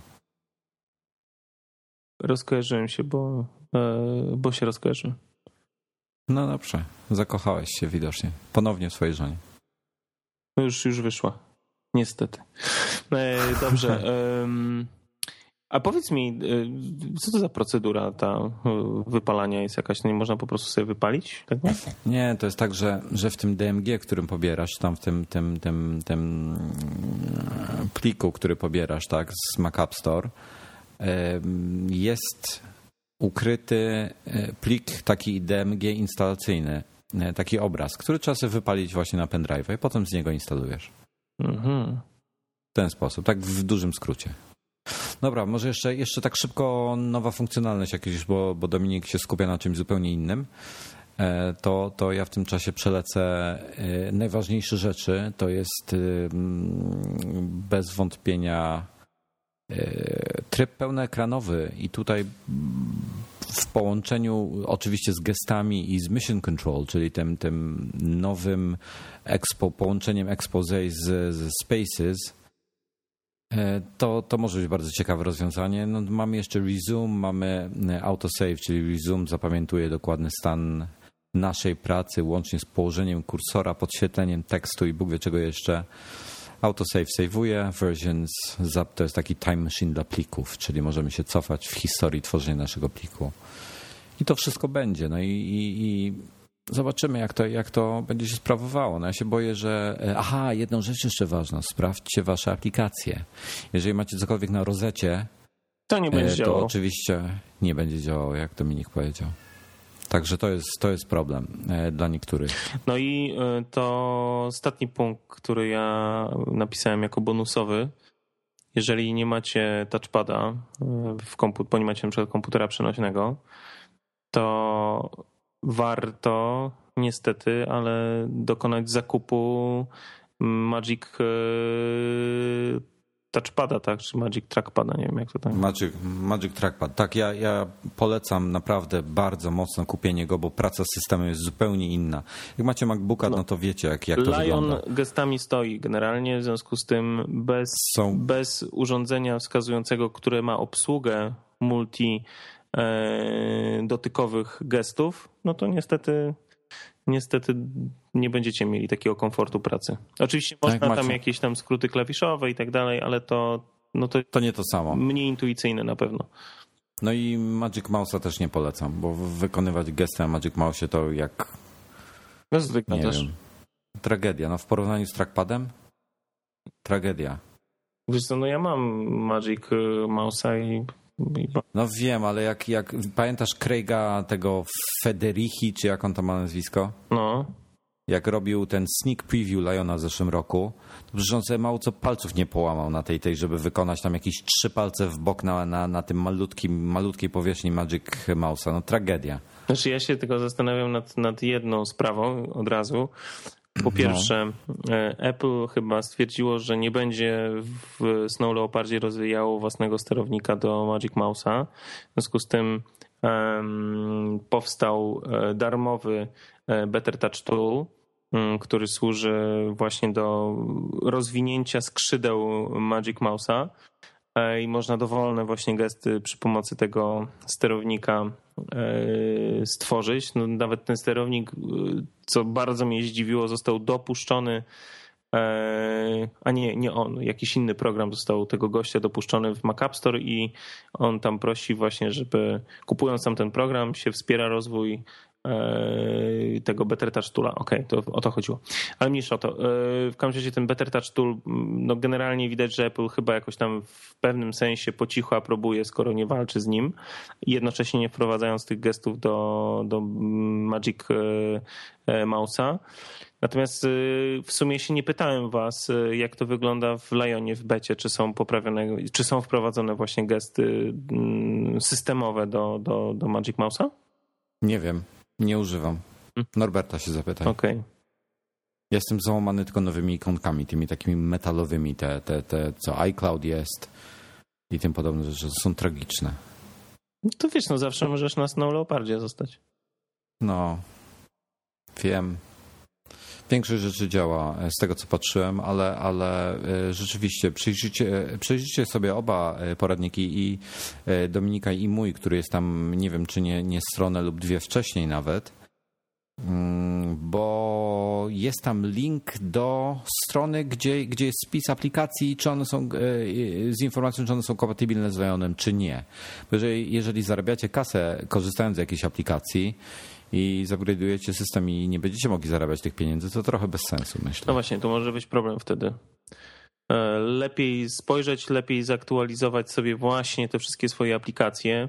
W zależności jak to są systemowe, to przez systemowe aktualnienia. Jeśli to są aplikacje kupione przez Mac App Store, to w odpowiedniej zakładce Mac App Store'u będą e, najnowsze aktualizacje, które warto od razu zainstalować. Jeżeli to są aplikacje, których nie ma w Mac App Store, które instalowali, instalowaliście sobie jakoś niezależnie, to warto, o ile nie ma tam automatycznej aktualizacji, to ręcznie przeprowadzić aktualizację wszystkich programów do najnowszych wersji, żeby nie było niespodzianki No i warto to, co Wojtek mówi, właśnie spojrzeć, czy nie ma, czy są te aplikacje kompatybilne.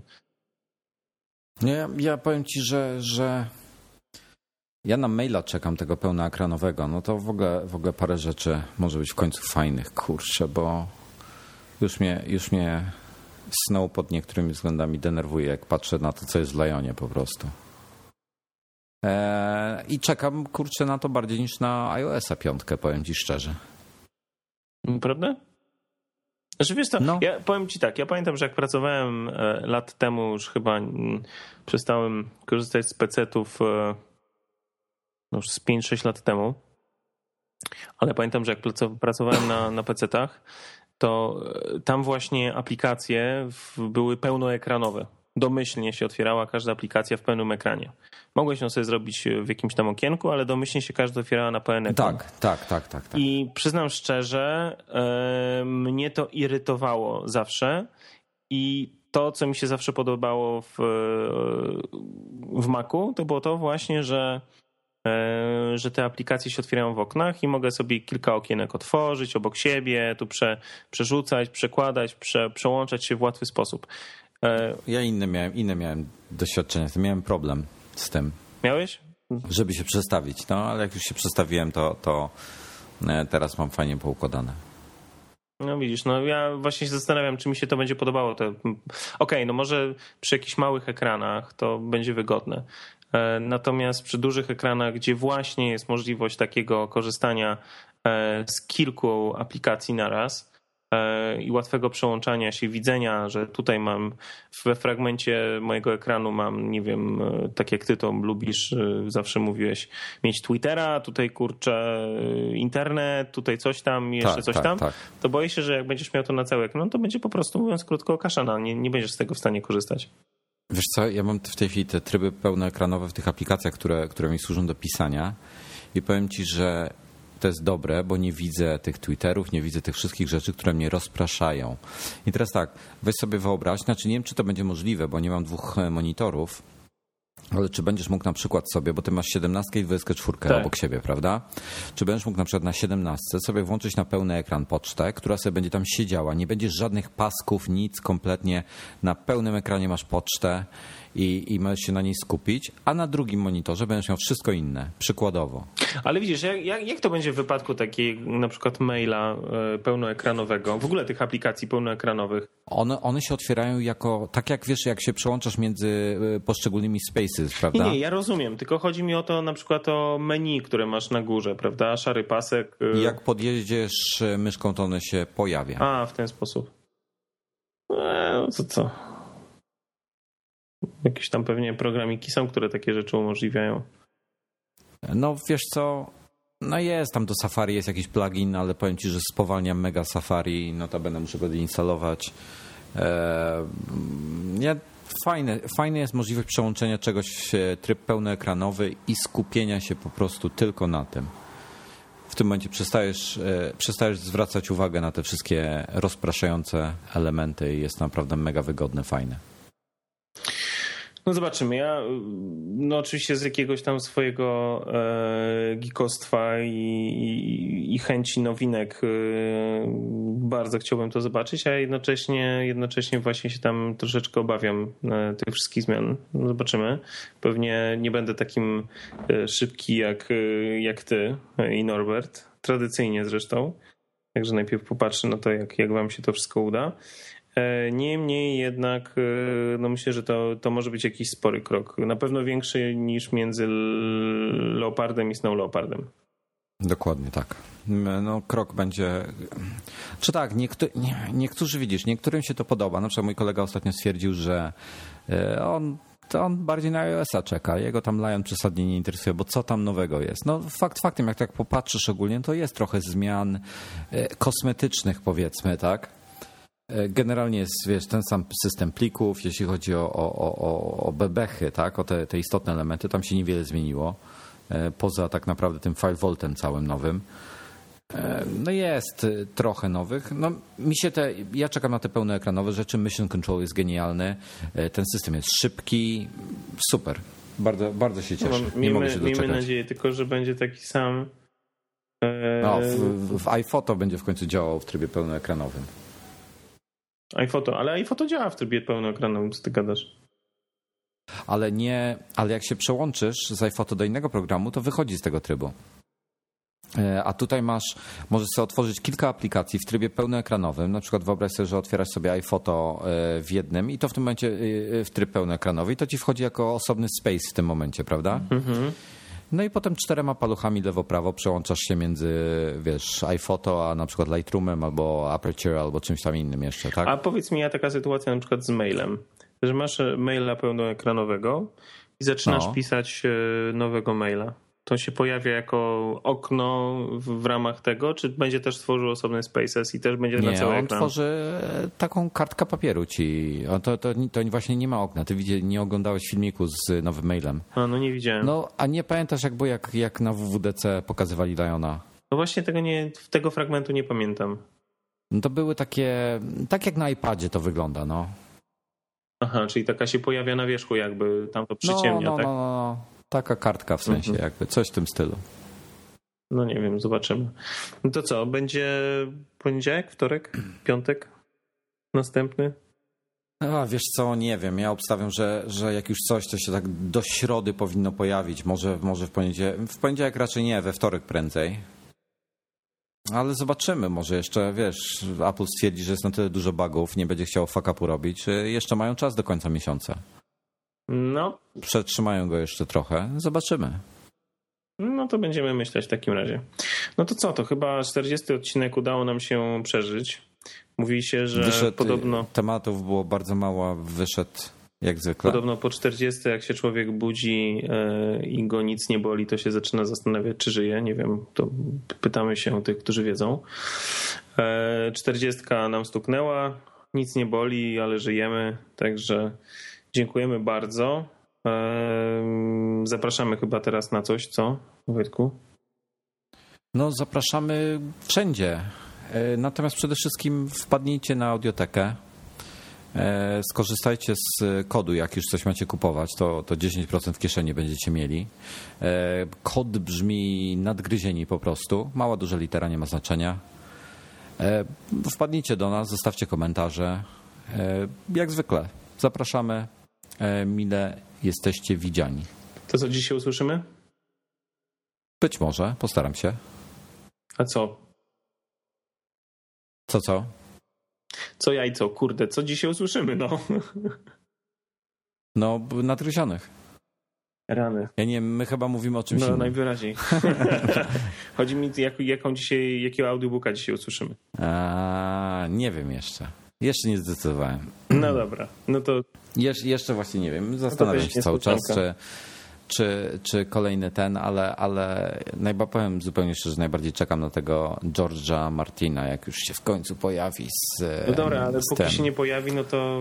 No to Myślę, że, zaczynają że ja mm, szczerze mówiąc skłaniam się ku ku, ku, ku Boże, jak on miał nazwisko?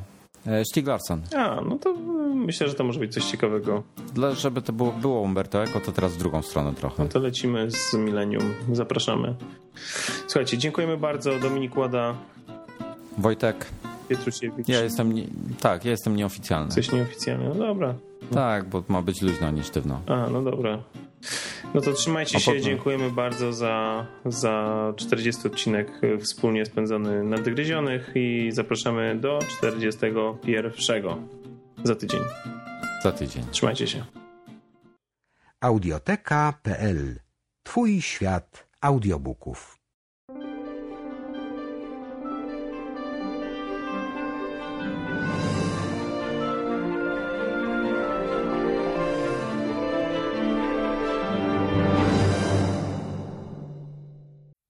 Rozdział drugi. Piątek, 20 grudnia. Dragan Armanski miał 56 lat i pochodził z Chorwacji. Jego ojciec był ormiańskim Żydem z Białorusi, matka bośniacką muzułmanką o greckich korzeniach. To ona, odpowiedzialna za jego wychowanie, przekazała mu kulturowe dziedzictwo, dzięki czemu jako dorosły mężczyzna znalazł się w ogromnej, heterogenicznej grupie definiowanej przez media jako muzułmanie. Urząd Migracyjny zarejestrował go, co osobliwe, jako Serba. Jego paszport zdradzał, że jest obywatelem szwedzkim, a fotografia ukazywała kanciastą twarz z wydatną szczęką, ciemnym zarostem i posiwiałymi skrońmi. Nazywano go często Arabem, mimo że nie miał najmniejszej domieszki arabskiej krwi. Był jednakowoż genetycznym skrzyżowaniem, które szaleńcy zajmujący się biologią ras z dużą dozą prawdopodobieństwa opisaliby jako ulepione z gorszej gliny. Jego wygląd przywodził na myśl lokalnego bossa średniej rangi w jakimś amerykańskim filmie gangsterskim. W rzeczywistości Armanski nie był ani szmuglerem narkotyków, ani torpedą mafii, tylko zdolnym specjalistą w zakresie ekonomii przedsiębiorstw, który na początku lat 70. zaczął pracować jako asystent finansowy w firmie ochroniarskiej Milton Security, a 30 lat później piastował w niej stanowiska dyrektora oraz szefa operacyjnego. Jego rosnące zainteresowanie zagadnieniami bezpieczeństwa przeobraziło się z czasem w fascynację. Jak w grze strategicznej trzeba było zidentyfikować zagrożenie, rozwinąć strategie obronne i cały czas wyprzedzać o krok szpiegów przemysłowych, szantażystów i złodziei. Zaczęło się od wykrycia sprytnego oszustwa, w którym posłużono się kreatywną księgowością. Armanski zdołał udowodnić winę jednej z dwunastu osób zatrudnionych w firmie i w dalszym ciągu, trzydzieści lat później, pamiętał swoje zdziwienie, gdy zrozumiał, że cała malwersacja była możliwa dzięki temu, że przedsiębiorstwo nie załatało kilku banalnych luk w procedurach zabezpieczających. Ze zwykłego kombinatora przeobraził się w innowatora rozwijającego firmę i eksperta w dziedzinie oszustw gospodarczych.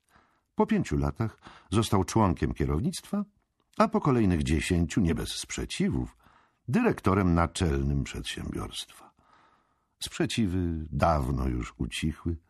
Kierując Milton Security, zamienił je w jedną z najbardziej kompetentnych i wziętych szwedzkich firm specjalizujących się w ochronie. W Milton Security pracowało na stałe 380 osób, a drugie tyle współpracowników było zaufanymi wolnymi strzelcami, z których usług korzystano w razie potrzeby.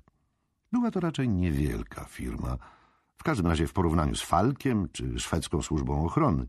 Gdy stawiał w niej pierwsze kroki, czynił to w ogólnej ochronie Johanna Fredrika Miltona S.A., której głównymi klientami były centra handlowe potrzebujące sklepowych kontrolerów i osiłkowatych ochroniarzy. Pod jego kierownictwem przedsiębiorstwo zmieniło nazwę na bardziej międzynarodowe Milton Security i postawiło na najnowszą technologię. Dokonano także wymiany personelu, wysłużonych nocnych stróżów, umundurowanych fetyszystów i dorabiających w weekendy licealistów zastąpili ludzie o poważnych kompetencjach. Armanski zatrudnił absolwentów politologii ze znajomością zagadnień międzynarodowego terroryzmu, ochrony osobistej i szpiegostwa przemysłowego, a przede wszystkim techników telekomunikacyjnych i informatyków. Stanowiska szefów operacyjnych powierzył byłym policjantom. No i przeniósł firmę z peryferyjnej Solny do reprezentacyjnych lokali w pobliżu Slussen w centrum Sztokholmu. Tym samym na początku lat dziewięćdziesiątych Milton Security była przygotowana do zaoferowania nowego rodzaju bezpieczeństwa ekskluzywnej grupie klientów, składającej się przede wszystkim z przedsiębiorstw średniej wielkości o ekstremalnie wysokich obrotach i majętnych osób prywatnych, nowobogackich gwiazd rocka, rekinów giełdowych i dyrektorów firm z branży informatycznej. Ważnym elementem oferty Milton Security była ochrona osobista i zabezpieczenia techniczne dla szwedzkich firm za granicą, a szczególnie na Bliskim Wschodzie. Ta część działalności stanowiła prawie 70% obrotów firmy. Za panowania Armanskiego roczne obroty wzrosły z 40 milionów do prawie 2 miliardów koron. Handlowanie poczuciem bezpieczeństwa stało się branżą niesamowicie lukratywną. Działalność przedsiębiorstwa podzielono na trzy główne obszary. Ekspertyzę poziomu zabezpieczeń, polegającą na identyfikacji potencjalnych zagrożeń, środki prewencyjne, czyli instalację kosztownych kamer nadzorujących, alarmów przeciwwłamaniowych i przeciwpożarowych, elektronicznych zamków oraz systemów komputerowych i w końcu usługi z zakresu ochrony osobistej, które oferowano osobom prywatnym i firmom odczuwającym rzeczywiste lub urojone zagrożenie. Zapotrzebowanie na te ostatnie usługi wzrosło w ciągu minionych dziesięciu lat czterdziestokrotnie, a od pewnego czasu można było mówić o nowej grupie klientów. Stanowiły ją dosyć dobrze uposażone kobiety, szukające ochrony przed byłymi partnerami, mężami lub nieznajomymi stalkerami, którzy zobaczywszy je w telewizji, dostawali bzika na punkcie ich obcisłych sweterków albo koloru szminki. Milton Security współpracowała z podobnymi renomowanymi firmami w Europie oraz USA i zapewniała bezpieczeństwo wielu zagranicznym gościom, którzy odwiedzali Szwecję, na przykład znanej amerykańskiej aktorce, nagrywającej przez dwa miesiące film w Trollhättan. Jej agent uznał, że status gwiazdy obliguje do posiadania osobistej ochrony, nawet jeżeli w grę wchodziło tylko nadzorowanie sporadycznych spacerów wokół hotelu. Czwarty, znacznie skromniejszy obszar działań firmy, którym zajmowali się nieliczni pracownicy, polegał na czymś, co określano skrótem WS. W wewnętrznym żargonie nazywano WS-iem, a co najzwyczajniej w świecie było przeprowadzaniem wywiadów środowiskowych. Armanski nie podzielał zachwytów nad tą częścią działalności Milton Security. Była mniej lukratywna, a zdecydowanie bardziej problematyczna. Wymagała przy tym raczej więcej kompetencji i ogólnego rozeznania pracowników niż szczegółowej wiedzy na temat telekomunikacji czy instalowania dyskretnych urządzeń nadzorujących. Zlecenia przyjmowano, gdy chodziło o zwykłe badania zdolności kredytowej, kontrolowanie przeszłości pracownika w związku z jego zatrudnieniem, weryfikowanie podejrzeń o przecieki informacji firmowych czy zamieszanie w działalność przestępczą. W takich przypadkach wkraczali do akcji WS-owcy. Ale nazbyt często jego klienci przychodzili ze swoimi prywatnymi troskami – które zazwyczaj przeradzały się w męczące marudzenie. Chcę wiedzieć, kim jest ten łobuz, z którym zadaje się moja córka. Albo wydaje mi się, że żona mnie zdradza. To dobry chłopak, tylko wpadł w złe towarzystwo. Jestem ofiarą szantażu. Armanski najczęściej zdecydowanie odmawiał. Jeżeli córka była pełnoletnia, to miała prawo zadawać się z kim jej się żywnie podoba. Małżonkowie powinni rozwiązywać problem zdrady na własną rękę.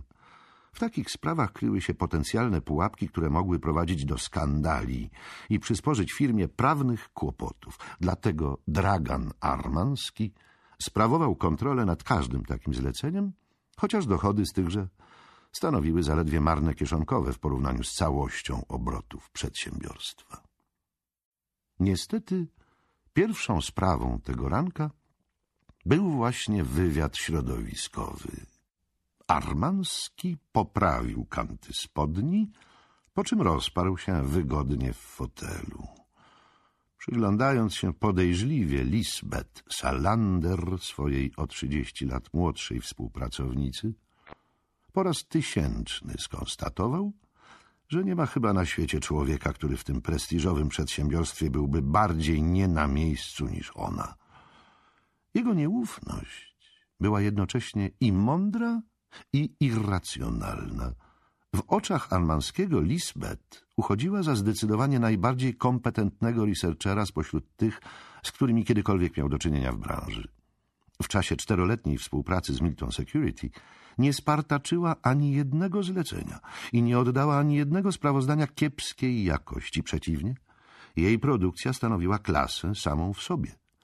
Armanski żywił przekonanie, że Salander posiada wyjątkowy dar – każdy głupi mógł zdobyć informacje o wypłacalności kredytobiorcy czy sprawdzić dane u komornika. Salander miała wyobraźnię i dostarczała niekoniecznie tych najbardziej oczekiwanych danych. Nigdy nie zrozumiał, jak do nich docierała. I czasami jej umiejętności sprawiały wrażenie czystej magii.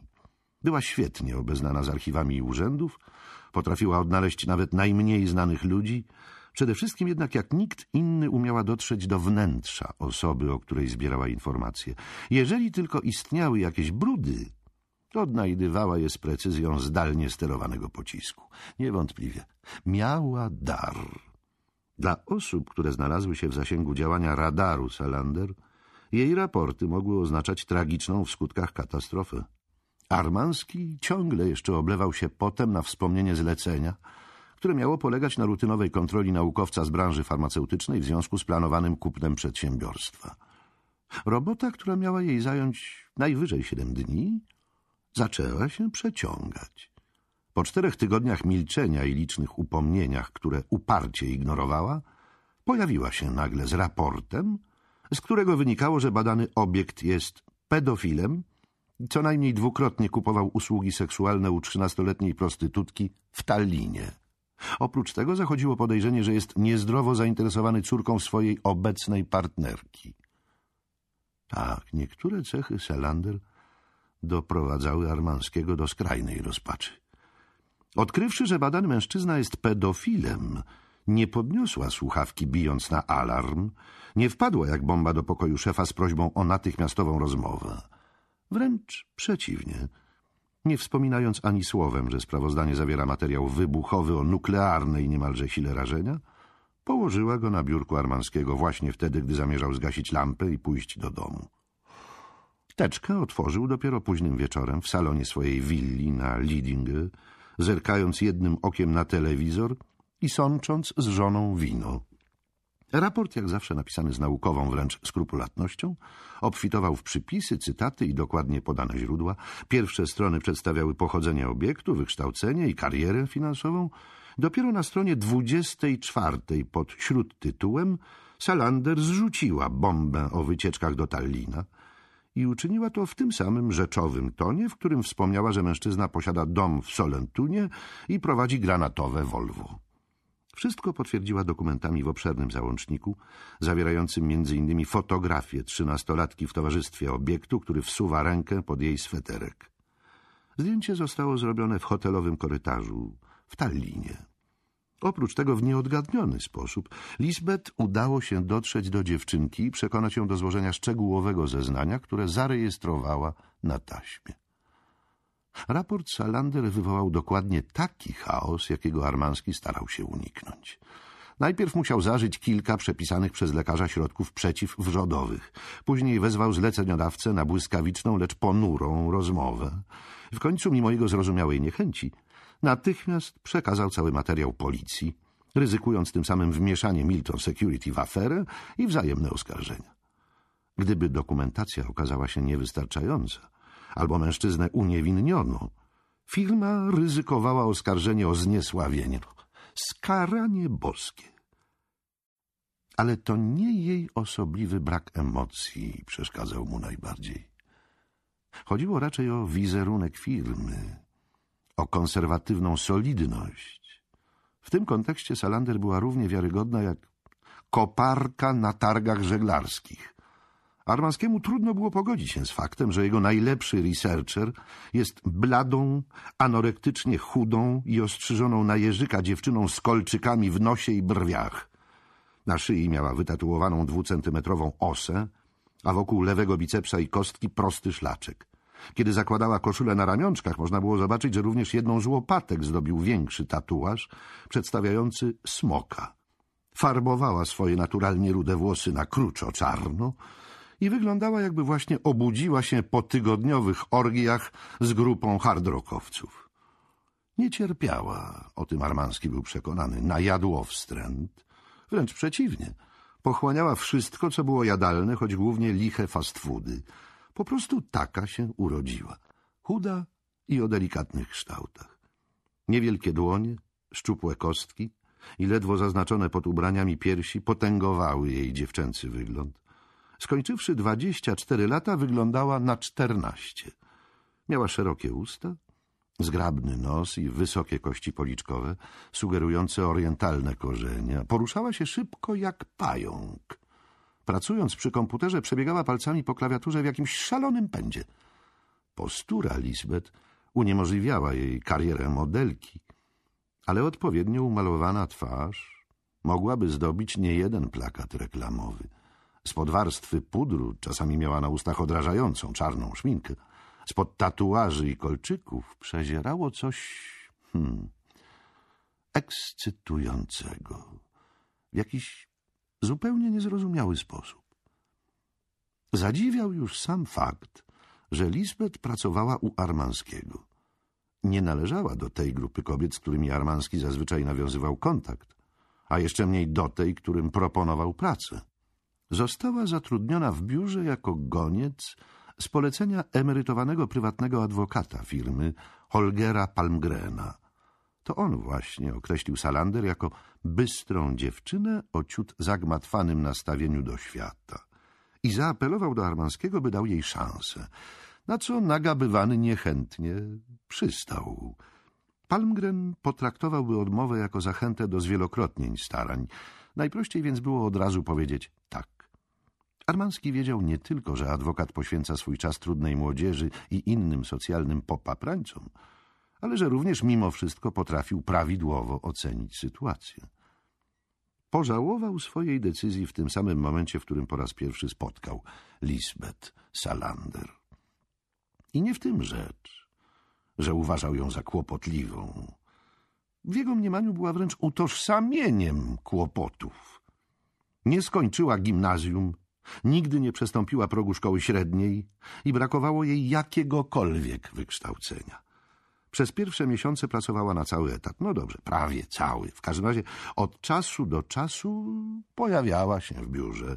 Parzyła kawę, odbierała pocztę i obsługiwała kserokopiarkę. Ale problem polegał na tym, że kompletnie nie przejmowała się normalnymi godzinami pracy ani obowiązującymi w firmie zasadami. Miała natomiast ogromny talent do irytowania współpracowników. Zaczęto ją określać mianem dziewczyna o dwóch komórkach mózgowych. Jedna potrzebna jej była do oddychania, druga do stania w pionie. Nigdy o sobie nic nie opowiadała. Próbujący z nią rozmawiać koledzy otrzymywali odpowiedzi tak zdawkowe, że dość szybko się zniechęcali. Próby żartowania nigdy nie trafiały na podatny grunt. Lisbeth albo spoglądała na wesołka wielkimi oczyma bez wyrazu, albo reagowała wyraźnym rozdrażnieniem. Rozeszła się też wieść o jej wyjątkowo zmiennym humorze – gdy podejrzewała kogoś o zabawę jej kosztem. A trzeba wiedzieć, że kpiny ze współpracowników były dość powszechnym elementem kultury obowiązującej w firmie. Stosunek Salander do ludzi nie zachęcał do okazywania jej ani zaufania, ani przyjaznych uczuć. Była nietypowym zjawiskiem wałęsającym się po korytarzach Milton Security niczym bezpański kot i w końcu zaczęto ją traktować jako przypadek beznadziejny. Po miesiącu ciągłych kłopotów Armanski wezwał Salander do swojego pokoju, zamierzając wręczyć jej wypowiedzenie. Z kamienną twarzą i bez protestów słuchała, jak po kolei wylicza jej grzechy. Zareagowała dopiero wtedy, gdy szef, podsumowawszy jej brak prawidłowego nastawienia do świata, zaproponował, żeby spróbowała znaleźć pracę w innej firmie, która w lepszy sposób mogłaby wykorzystać jej kompetencje. Lisbeth Przerwała mu w połowie zdania. Po raz pierwszy nie mówiła monosylabami. Słuchaj, jeżeli potrzebujesz woźnego, to możesz przejść się do urzędu zatrudnienia i na pewno tam kogoś znajdziesz. Potrafię, kurwa, dotrzeć do każdej informacji na temat każdego człowieka. Jeżeli nie umiesz wykorzystać mnie do czegoś więcej niż tylko sortowanie poczty, to jesteś idiotą. Armanski nigdy nie zapomni własnego zdumienia jej wybuchem. Siedział oniemiały, podczas gdy dziewczyna niezrażona mówiła dalej. Masz u siebie faceta, który poświęcił trzy tygodnie na napisanie bezwartościowego raportu o tym Japiszonie, którego chcą zwerbować na stanowisko przewodniczącego zarządu jakiejś nowej spółki dotcom. Skopiowałam mu ten gówniany raport wczoraj wieczorem. Widzę, że teraz leży na twoim biurku. Armanski powiódł wzrokiem po stercie papierów, wyjątkowo podnosząc głos. Nie wolno ci czytać poufnych dokumentów. Może i nie wolno, ale zabezpieczenia twojej firmy pozostawiają bardzo wiele do życzenia.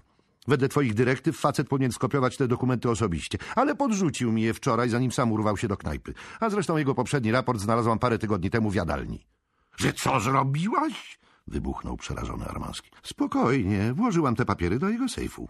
— Ujawnił ci szyfr do swego prywatnego schowka? — dyszał. — No nie do końca ale zapisał na świstku, który trzyma pod podkładką na biurku razem ze swoim hasłem dostępu do kompa. Ale chodzi o to, że ten twój dupa, nie detektyw, zrobił kompletnie beznadziejny wywiad. Pominął fakt, że chłopak siedzi po uszy w długach karcianych i wciąga kokę jak odkurzacz. No i to, że jego dziewczyna szukała pomocy w pogotowiu dla kobiet po tym, jak sprał ją na kwaśne jabłko. Zamilkła. Armanski siedział przez kilka minut bez słowa, przerzucając kartki raportu.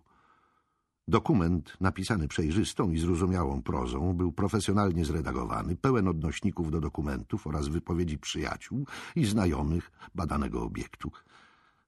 W końcu podniósł wzrok i powiedział tylko dwa słowa. Udowodnij to. Ile mam czasu? Trzy dni. Jeżeli nie będziesz mogła udowodnić swoich twierdzeń, wyleję cię z pracy. Trzy dni później przekazała mu bez słowa raport, który w równie szczegółowych odnośnikach zamieniał na pozór sympatycznego młodego Japiszona w ciężkiego skurwiela, na którym nie sposób polegać. Armanski czytał kilkakrotnie tekst dokumentu w sobotę i niedzielę, a część poniedziałku spędził na pobieżnej weryfikacji kilku faktów. Jeszcze zanim zaczął kontrolę, wiedział, że informacje Lisbeth są prawdziwe. Zdumienie nie przeszkadzało mu być wściekłym na samego siebie. Najwyraźniej nie poznał się na tej dziewczynie. Uważał ją za tępą, może nawet trochę upośledzoną. Nie spodziewał się, że ktoś, kto przewagarował szkołę podstawową i nie dostał świadectwa ukończenia tejże, potrafi napisać sprawozdanie, które nie tylko jest poprawne językowo, ale też zawiera spostrzeżenia i informacje, których pochodzenia można się tylko domyślać. Był przekonany, że nikt inny zatrudniony w Milton Security nie potrafiłby dotrzeć do poufnej dokumentacji lekarskiej w pogotowiu dla ofiar przemocy. Zapytana o to, jak weszła w jej posiadanie, Salander udzieliła mu wymijającej odpowiedzi. Nie chcę palić swoich źródeł, powiedziała. Wkrótce Armanski zrozumiał, że Lisbeth raczej nie zamierza dyskutować o swoich metodach pracy ani z nim, ani z nikim innym. Trochę go to niepokoiło, ale nie do tego stopnia, żeby nie ulec pokusie sprawdzenia jej. Rozmyślał nad tym przez trzy dni. Sięgnął pamięcią do słów Holgera Palmgrena. Każdemu trzeba dać szansę. Zastanawiał się nad swoim muzułmańskim wychowaniem, nakazującym wspomagać ludzi wyrzuconych poza nawias. Wprawdzie nie wierzył w Boga i nie odwiedził meczetu od czasu młodzieńczej kontestacji, ale Lisbeth jawiła mu się jako osoba stanowczo potrzebująca pomocy i wsparcia. Naprawdę w tej dziedzinie przez ostatnie kilkadziesiąt lat nie uczynił zbyt wiele. Zamiast więc wylać Lisbeth z pracy, wezwał ją na prywatną rozmowę, próbując dowiedzieć się, jak ta uciążliwa dziewczyna naprawdę funkcjonuje. Utwierdził się w przekonaniu, że cierpi na jakieś poważne zaburzenie, ale odkrył również, że pod naburmuszoną maską kryje się inteligentny człowiek. Uważając ją ciągle za kruchą i uciążliwą, odkrył ku swemu zdumieniu, że po prostu ją polubił. Przez kolejne miesiące udzielał jej schronienia pod swoimi skrzydłami. A tak zupełnie szczerze, to zajął się nią w ramach swoistego hobbystycznego projektu społecznego. Zlecał jej różne prace researcherskie i próbował udzielać wskazówek, jak się za nie zabrać. Słuchała cierpliwie, a później odchodziła i wykonywała zlecenie według własnego widzimisię. Armanski poprosił szefa technicznego firmy, żeby nauczył Lisbeth podstaw obsługi komputera. Celander przesiedziała grzecznie w ławie szkolnej całe popołudnie, po czym prowadzący kurs, odrobinę zbity z tropu, zakomunikował Armanskiemu, że dziewczyna ma o wiele większą wiedzę o komputerach niż niejeden pracownik Milton Security. Armanski zrozumiał wkrótce, że Lisbeth, mimo rozmów, propozycji szkoleń, a także innych próśb i gruźb, nie myśli dostosować się do panujących w Miltonie biurowych norm. Stanął przed dylematem. Dziewczyna w dalszym ciągu działała na nerwy pracownikom firmy. Armanski miał świadomość, że nigdy nie zaakceptują kogoś, kto jak ona przychodzi i wychodzi, kiedy chce. W normalnym przypadku postawiłby ultimatum, żądając zmiany zachowania. Przypuszczał jednak, że stawiając Lisbeth podobne żądania, czy grożąc wypowiedzeniem, zobaczyłby najprawdopodobniej tylko wzruszenie ramion. Zmuszony był więc dokonać wyboru. Albo się jej pozbyć, albo zaakceptować, że nie funkcjonuje jak inni ludzie. Jeszcze większym problemem okazał się fakt, że Armanski nie miał pewności co do swoich uczuć względem tej młodej kobiety. Była jak kłopotliwy świąt, odpychająca, a jednocześnie ponętna. Nie pociągała go seksualnie, Przynajmniej tak sądził.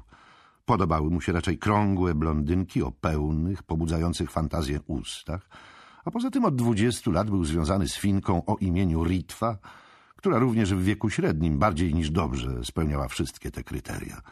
Nigdy jej nie zdradził. No dobrze, może kiedyś.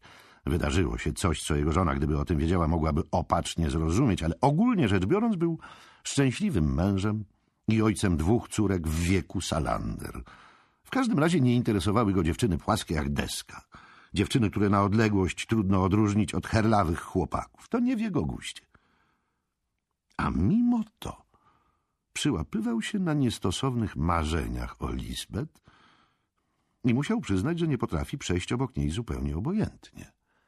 Ale atrakcyjność tej kobiety polegała według Armanskiego na tym, że była dla niego jak istota z innego świata. Równie dobrze mógłby zakochać się w wizerunku mitycznej greckiej nimfy. Reprezentowała nierealną rzeczywistość, która go fascynowała, ale w której nie mógł uczestniczyć.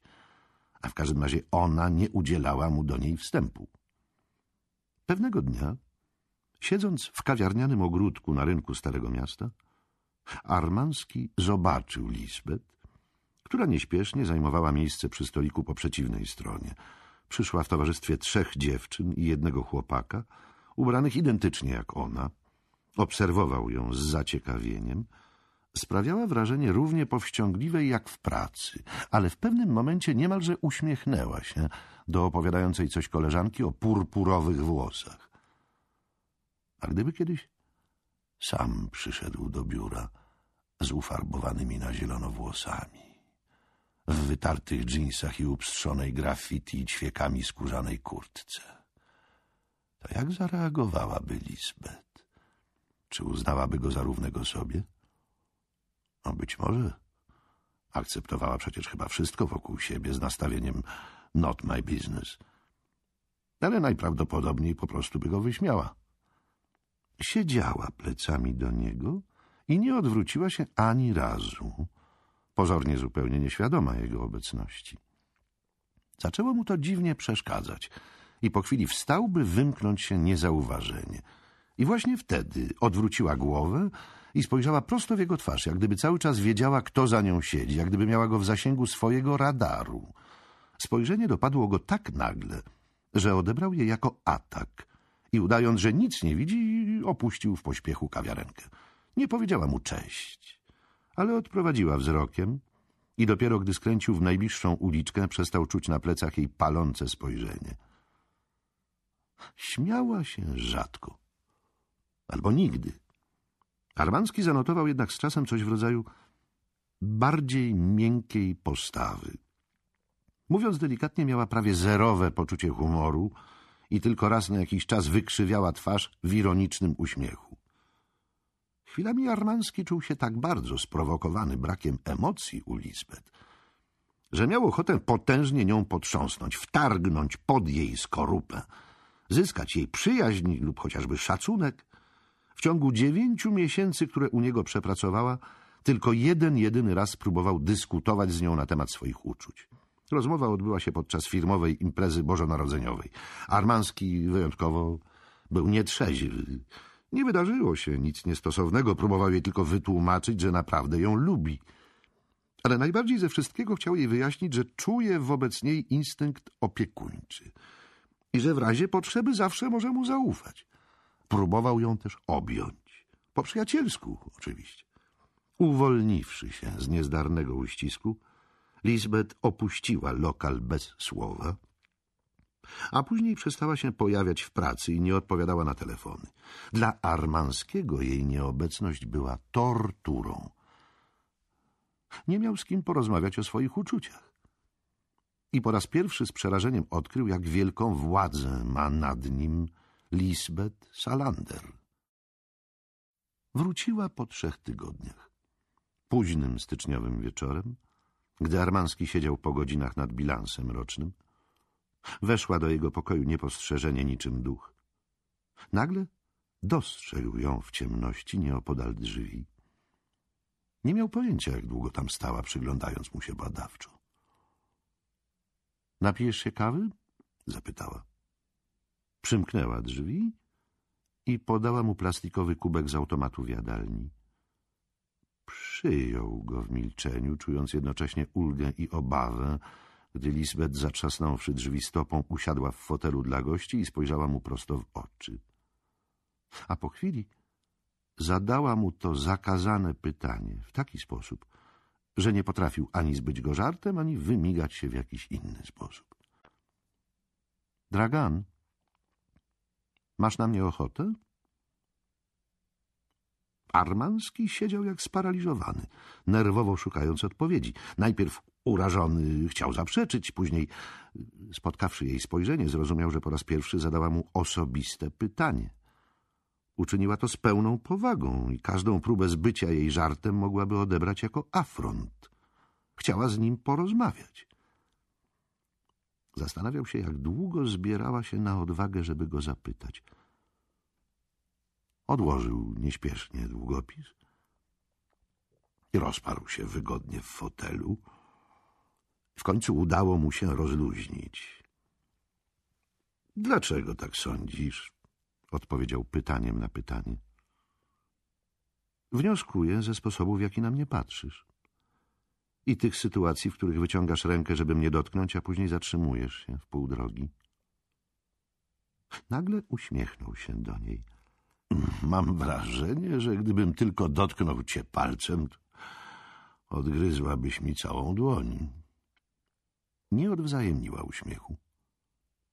Czekała.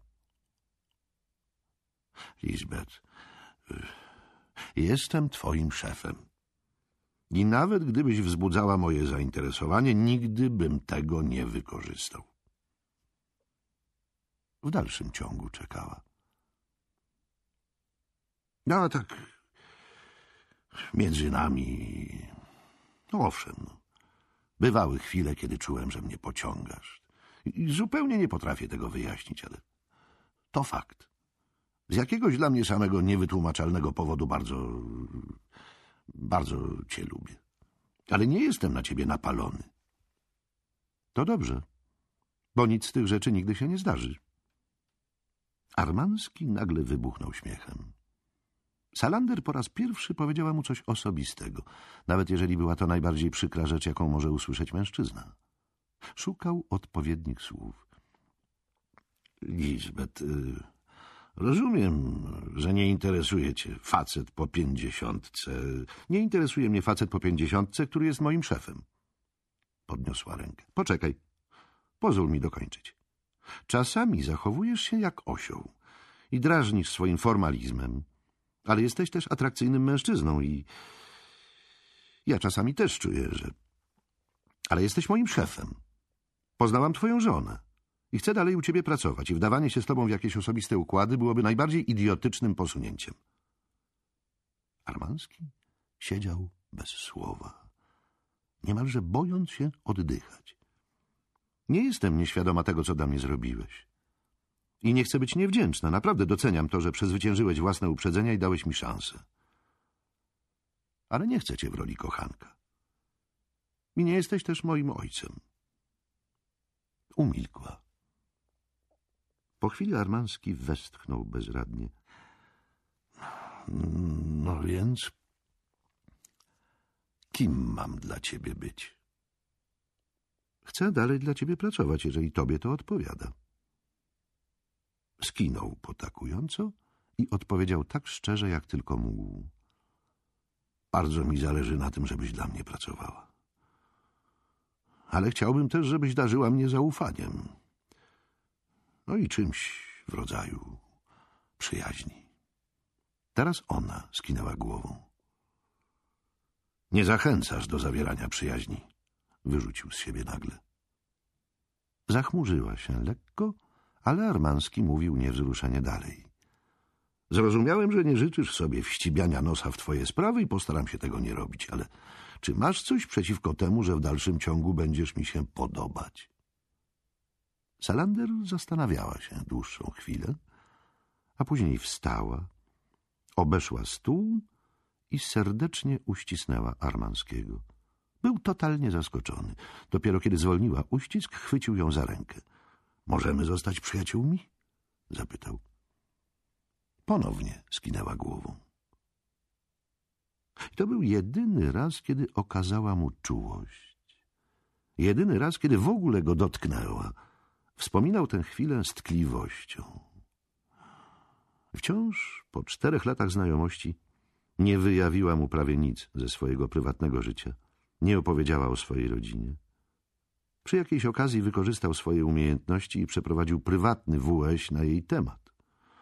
Oprócz tego odbył długą rozmowę z adwokatem Palmgrenem i to, czego się dowiedział, nie zwiększyło niestety jego zaufania do Salander. Nigdy o tym nie mówił, nigdy nawet nie napomknął, że szperał w jej życiorysie. Ukrywając niepokój, zwiększył po prostu czujność. Zanim ten osobliwy wieczór dobiegł końca, Salander i Armanski doszli do następującego porozumienia. W przyszłości Lisbeth będzie otrzymywała zlecenia w zakresie researchu, ale jako wolny strzelec. Armanski gwarantował jej niewielką miesięczną pensję, niezależnie od tego, czy pracowała nad jakimś zadaniem, czy nie. Ostateczny dochód miał zależeć od zleceń. Dawał jej wolną rękę co do form pracy, ale Lisbeth zobowiązywała się, że nigdy nie uczyni niczego, co mogłoby przynieść wstyd albo narazić Milton Security na szwank. To było praktyczne i korzystne dla wszystkich stron rozwiązanie. Tym samym Armanski zredukował uciążliwy oddział WŚ do jednego zatrudnionego na stałe pracownika starszego pana, który wykonywał przyzwoite, rutynowe badania i zajmował się głównie informacjami na temat kredytobiorców. Wszystkie pozostałe, zawiłe i niepewne zlecenia przekazywał Salander i innym nielicznym freelancerom, za których w razie kłopotów w praktyce działali na własną rękę – firma nie musiała ponosić odpowiedzialności. A ponieważ często korzystał z jej usług, zarabiała przyzwoite pieniądze.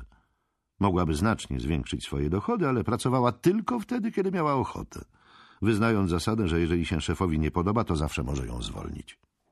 Armanski zaakceptował ją taką, jaka była, ale nie pozwalał na spotkania z klientami. Wyjątki od reguły należały do rzadkości. A dzisiejsza sprawa była niestety takim właśnie wyjątkiem. Lisbeth miała na sobie czarny t-shirt z podobizną E.T. o potężnych kłach, podpisaną I am also alien, czarną, wystrzępioną spódnicę, czarną, krótką kurtkę ze znoszonej skóry, pas nabity ćwiekami, toporne martensy i prążkowane czerwono-zielone podkolanówki. Twarz zdobił makijaż, którego skala kolorystyczna mogła świadczyć o daltonizmie dziewczyny. Innymi słowy, była wyjątkowo strojna. Armanski westchnął i przeniósł wzrok na trzecią osobę w pokoju, tradycyjnie ubranego mężczyznę w okularach o grubych szkłach. Sześćdziesięcioośmioletni adwokat Dirch Frode nalegał na osobiste spotkanie ze współpracownikiem, który sporządził dla niego raport. Armanski próbował do tego nie dopuścić, wymawiając się a to przeziębieniem Salandra, to jej podróżą, a to nawałem pracy. Frody odpowiadał po prostu nie szkodzi. Sprawa nie była nagła, mógł spokojnie poczekać nawet kilka dni. Armanski przeklinał siebie w duchu, ale w końcu nie miał innego wyjścia.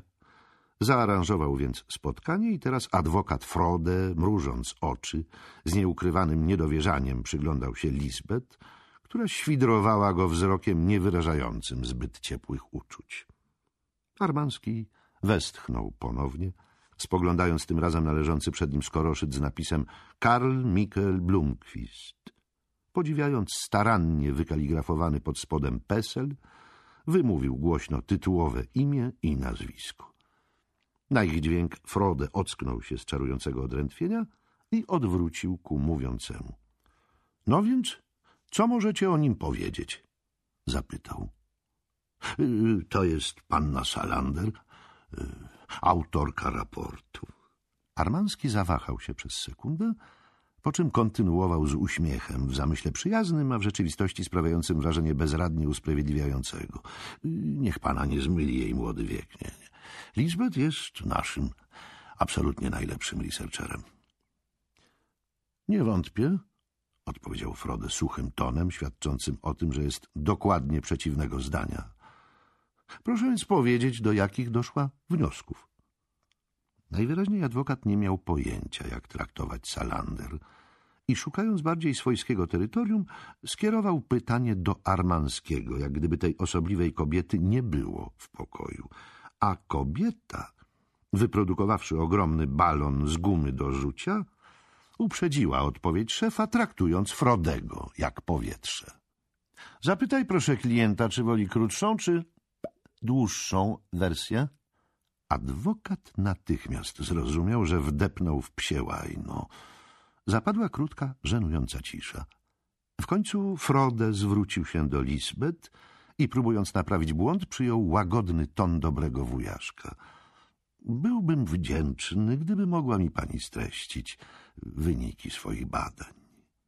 Salander wyglądała jak gniewny nubijski drapieżnik, który właśnie przymierza się do zjedzenia klienta na obiad.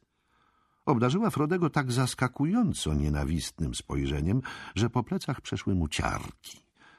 Ale już po chwili rysy jej twarzy zmiękły i Frode zastanawiał się, czy pałające nienawiścią oczy nie były tylko wytworem jego wyobraźni. Gdy zaczęła mówić, wysławiała się jak urzędniczka państwowa.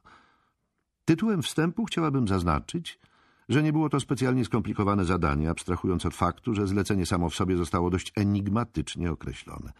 Chciał pan wiedzieć wszystko, co można wyszperać, nie sugerując, że chodzi o coś szczególnego. Dlatego przygotowałam coś w rodzaju karty z próbkami życiorysu. Raport liczy 193 strony, ale ponad 120 stanowią kopie jego artykułów, tudzież wycinków prasowych, w których sam jest wzmiankowany. Blumquist to osoba publiczna, nie mająca szczególnie wielu tajemnic. Nie ma raczej nic do ukrycia. Ale twierdzi pani, że ma tajemnicę dociekał Frode. Wszyscy mają tajemnice, odparła niezbita stropu. Chodzi tylko o to, żeby odgadnąć, na czym polegają. Słucham więc. Mikkel Blomqvist urodził się 18 stycznia 1960 roku, czyli ma teraz 43 lata. Przyszedł na świat w Burlęgę, ale nigdy tam nie mieszkał. Ojciec i matka Kurt i Anita Blomqvist zostali rodzicami dość późno, dzisiaj już nie żyją. Ojciec był instalatorem maszyn jeździł trochę po kraju. Mama, z tego co wiem, nigdy nie zajmowała się niczym więcej niż domem. Gdy syn zaczął chodzić do szkoły, przeprowadzili się do Sztokholmu. Mikael ma młodszą o trzy lata siostrę Annikę, która jest adwokatem. Ma też kilku wujków i kuzynów. A ty zamierzasz podać kawę? Z tym pytaniem zwróciła się do Armanskiego, który pośpiesznie otworzył termos zamówiony specjalnie na spotkanie. Gestem dłoni dał jej znak, żeby mówiła dalej. Tak więc w 1966 rodzina Blomqvistów przeprowadziła się do Sztokholmu. Mieszkali w Lilla Essingen. Mikael chodził do szkoły podstawowej w Brommie, a później do liceum na Kungsholmen. Miał dość dobre świadectwo końcowe ze średnią 4,9, kopie leżą w teczce. W latach licealnych zajmował się muzyką, grał na gitarze basowej w zespole rockowym Bootstrap, który zresztą wydał singiel lansowany w radiu latem 1979 roku. Po ukończeniu szkoły średniej pracował jako bramkarz w metrze, a za zarobione pieniądze wyjechał później za granicę. Podróżował przez rok, głównie po Azji, objechał Indię, Tajlandię, zahaczył o Australię. W wieku 21 lat zaczął studia dziennikarskie w Sztokholmie, ale przerwał je po roku, żeby odbyć służbę wojskową w Kirunie. Opuścił tamtejszą jednostkę komandosów, podobno tylko dla twardzieli, z wynikiem 10-9-9, czyli jednym z najlepszych. Podjął na nowo i ukończył studia i do dzisiaj pracuje w zawodzie dziennikarza. A jak bardzo szczegółowych informacji pan oczekuje? Proszę opowiedzieć o tym, co uważa pani za istotne. Okej. Okay. Sprawia wrażenie dzielnego zucha. Aż do dzisiaj był dziennikarzem, który osiągał same zawodowe sukcesy, w latach osiemdziesiątych pracował na różnych zastępstwach, początkowo w prasie na prowincji, później w stołecznej. Sporządziłam zresztą listę. Prawdziwy przełom nastąpił w związku z historią niedźwiedziej bandy, gdy udało mu się zidentyfikować szajkę napadającą na banki. Kalle Blumquist. Nie cierpi tego przydomka. Co chyba jest dość zrozumiałe, gdyby ktoś nazwał mnie w mediach Pipi Longstrump, ryzykowałby spuchniętą wargę. Rzuciła mroczne spojrzenie w kierunku Armanskiego, który natychmiast przełknął ślinę. Nie jeden raz myślał o Lisbeth właśnie jako o nieustraszonej pipi i teraz dziękował swojemu rozsądkowi, że nigdy nie próbował na ten temat żartować. Poruszył dłonią, co miało znaczyć mów dalej. Pewne źródło podaje, że do dnia rozpracowania szajki marzył o karierze reportera kryminalnego. Zresztą jako ten typ dziennikarza pracował przez pewien czas w jednej z popołudniówek, ale ostatecznie dał się poznać od najlepszej strony przede wszystkim jako reporter polityczny i znawca ekonomii. Pracował głównie jako wolny strzelec. Jedyną stałą posadę miał w końcu lat 80. w popołudniówce. Złożył wypowiedzenie w 1990 roku i wtedy też powołał do życia miesięcznik Millennium. Czasopismo wystartowało jako zupełny outsider, bez wsparcia potężnego wydawcy. Nakład wzrastał stopniowo, a dzisiaj sięga 21 tysięcy egzemplarzy. Redakcja znajduje się na Jedgaton, kilka ulic stąd. To gazeta lewicowa, a to zależy od tego, jak definiujemy lewicę. Millennium uważa się powszechnie za czasopismo społeczno-krytyczne, ale zgaduję, że anarchiści mają je za tchórzliwe, burżuazyjne gówno, porównywalne z pismami typu Arena czy Front, podczas gdy Studencki Związek Moderatów sądzi, że w redakcji siedzą sami bolszewicy. Ale nic nie wskazuje na to, żeby Blomqvist kiedykolwiek był politycznie aktywny. Nawet w latach licealnych, kiedy w kraju wzbierała fala lewicowych nastrojów społecznych. W czasie studiów w Wyższej Szkole Dziennikarskiej na pewien czas związał się z aktywistką syndykalistów, która dzisiaj reprezentuje partię lewicową w Riksdagu. Wygląda na to, że opatrzono go etykietką lewicowca, ponieważ jako dziennikarz ekonomiczny specjalizuje się w reportażach demaskujących korupcję i szemrane interesy w świecie prywatnych przedsiębiorców. Stworzył parę druzgocących portretów dyrektorów i polityków, z pewnością uzasadnionych, oraz wymusił kilka dymisji.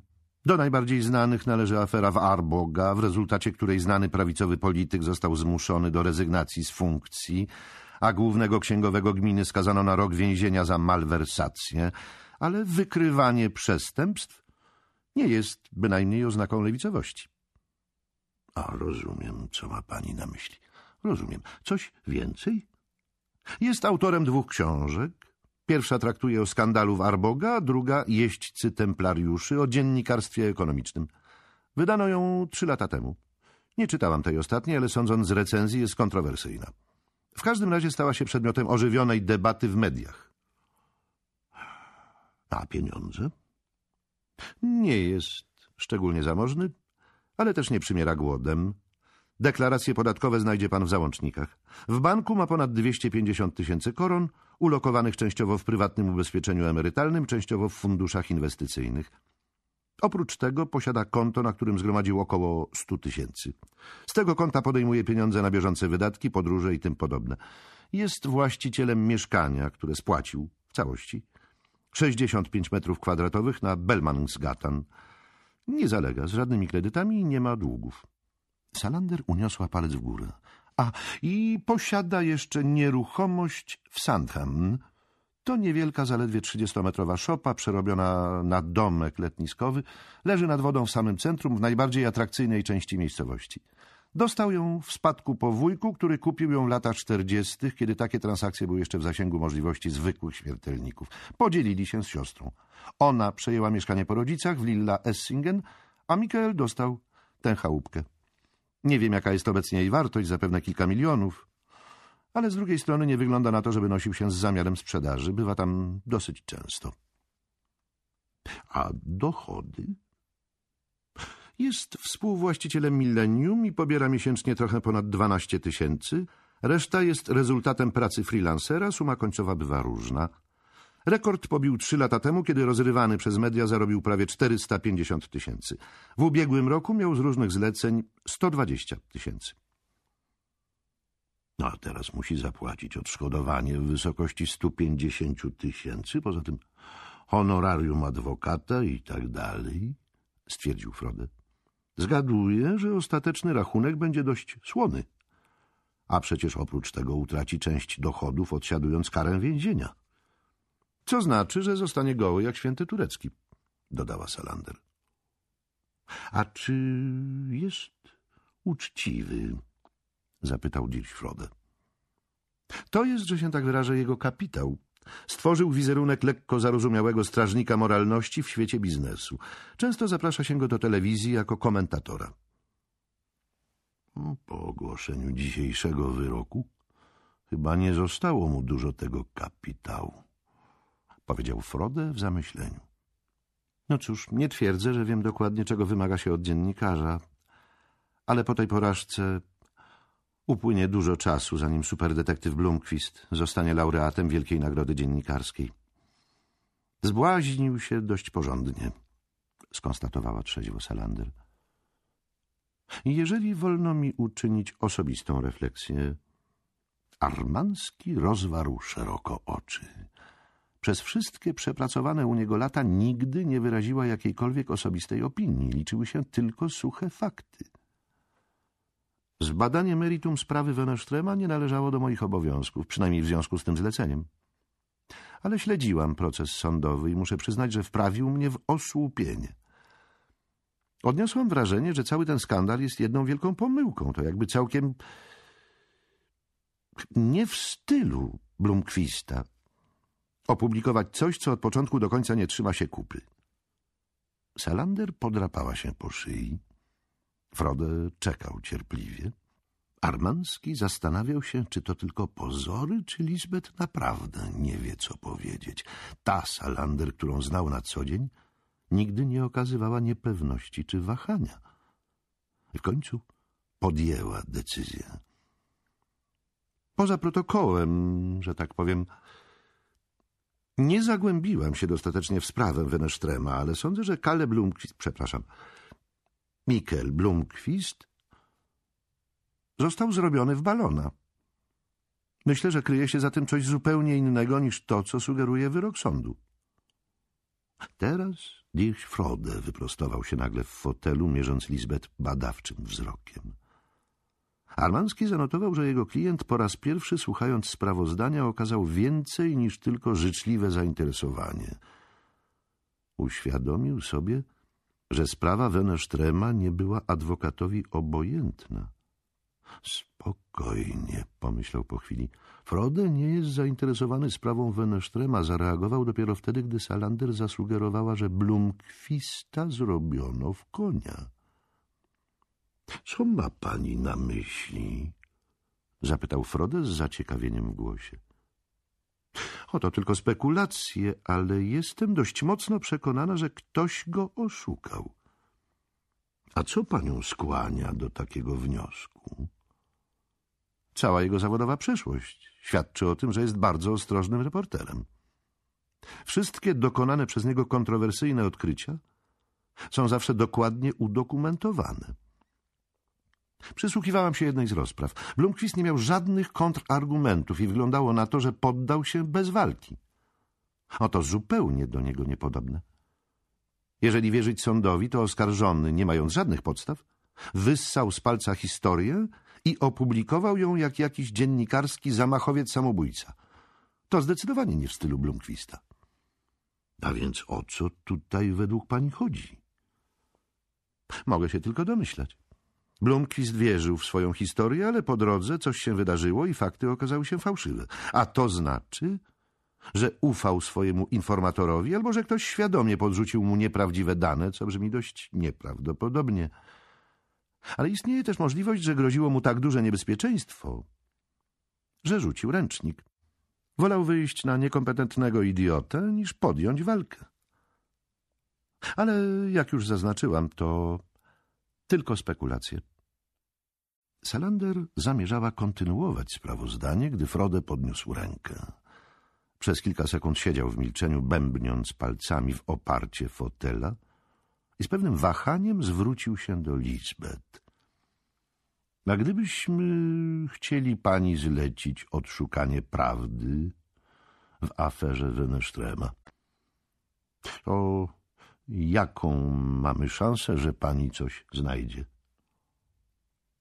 Nie potrafię odpowiedzieć na to pytanie. Być może nie ma nic do znalezienia. No ale czy, czy podjęłaby się pani próby? Wzruszyła ramionami. Przecież to nie ja decyduję. Pracuję dla Dragana Armanskiego. To on podejmuje decyzje co do zleceń, które mi przekazuje. A poza tym to zależy, o jakiego typu informacje panu chodzi. No powiedzmy tak. Wychodzę z założenia, że nasza rozmowa jest poufna. Armanski skinął głową. Nie znam tej afery, ale wiem, że w innych sytuacjach Wenesztrem bywał nieuczciwy. Afera z Wenesztremem w najwyższej mierze wpłynęła na życie Michaela Blumquista i ciekaw jestem, czy pani spekulacje zawierają ziarno prawdy. Rozmowa przyjęła nieoczekiwany obrót, co postawiło Armanskiego w stan gotowości. Dirk Frode zapytał, czy Milton Security podjęłoby się grzebania w zakończonym procesie karnym, podczas którego być może użyto wobec Blumquista groźby bezprawnej. Podejmując się takiego zadania, Armanski ryzykował starcie z wenesztrymowskim imperium adwokatów. W takiej sytuacji nie uśmiechało mu się wykorzystanie Salander jako niekontrolowanego pocisku o dalekim zasięgu i nie kierował się wyłącznie troską o firmę. Lisbeth wyraźnie zaznaczyła, że nie życzy sobie Armanskiego w roli zaniepokojonego ojczyma i zgodnie z umową pilnował się bardzo, by go takim nie postrzegała, ale w duchu nigdy nie przestał się o nią bać. Czasami łapał się na tym, że porównuje ją ze swoimi córkami. Uważał się za dobrego ojca, który nie wtrąca się w prywatne życie dzieci bez potrzeby, ale wiedział, że gdyby zachowywały się jak Lisbeth, nie potrafiłby tego zaakceptować. W głębi swego chorwackiego, a może bośniackiego albo ormiańskiego serca nigdy nie mógł pozbyć się przekonania, że życie Salander prowadzi prostą drogą do katastrofy. W jego mniemaniu dziewczyna wręcz prosiła o to, żeby zostać ofiarą i drżał na myśl, że pewnego ranka zbudzi go wiadomość, że ktoś jej wyrządził krzywdę. No, tego typu zlecenie y, może okazać się dość kosztowne. Zaczął trochę odstraszająco, żeby zbadać, jak poważnie Frode traktuje swoje pytanie. Ustalimy jakiś pułap, odpowiedział przytomnie adwokat. Nie żądam rzeczy niemożliwych, a pański współpracownik, jak pan sam zastrzegał, jest niezwykle kompetentny. Salander? zapytał Armanski, podnosząc brwi. Nie mam żadnych innych planów. W porządku. Tak, ale chciałbym, żebyśmy ustalili formy pracy. Tak, a teraz dokończ proszę prezentację. Nie mam nic więcej, oprócz kilku szczegółów z życia prywatnego. W 1986 roku ożenił się z Moniką Abrahamson. W tym samym roku urodziła im się córka, obecnie 16-letnia Pernilla. Małżeństwo nie trwało długo, rozwiedli się w 1991. Abrahamson wyszła ponownie za mąż, ale wygląda na to, że są przyjaciółmi. Córka y, mieszka z matką, nie spotyka się z ojcem szczególnie często. Frode poprosił o jeszcze jedną filiżankę kawy i ponownie zwrócił się do Salander. A na początku sugerowała pani, że wszyscy ludzie mają tajemnice. Znalazła je pani? Chodziło mi o to, że wszyscy mają sprawy, które uważają za prywatne i z którymi raczej się nie afiszują. Blumquist ma powodzenie u kobiet.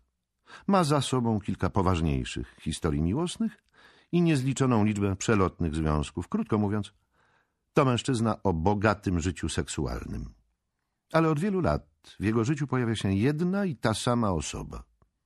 Stanowią dość niezwykłą parę. W jakim sensie niezwykłą? Erika Berger, redaktor naczelna Millennium, jest seksualną partnerką Blumquista. To dziewczyna z wyższych sfer, z matki Szwedki ojca Belga, mieszka w Szwecji, znają się ze studiów i od studenckich czasów żyją ze sobą w nieformalnym związku. No, to chyba nie jest aż takie niezwykłe, zauważył Frode. Nie, nie, wcale nie. Tyle tylko, że Berger jest jednocześnie żoną artysty Gregera Beckmana. To taki dość znany facet, twórca masy okropnych dzieł w lokalach użyteczności publicznej. Czyli innymi słowy jest niewierną żoną. Nie. Beckman wie o ich związku. To taki menage à trois, najwyraźniej akceptowany przez wszystkie zainteresowane strony. Erika czasami sypiał u Blumquista, a czasami u męża. Nie wiem dokładnie, jak to funkcjonuje, ale myślę, że między innymi z tego powodu rozpadło się małżeństwo z Abrahamson.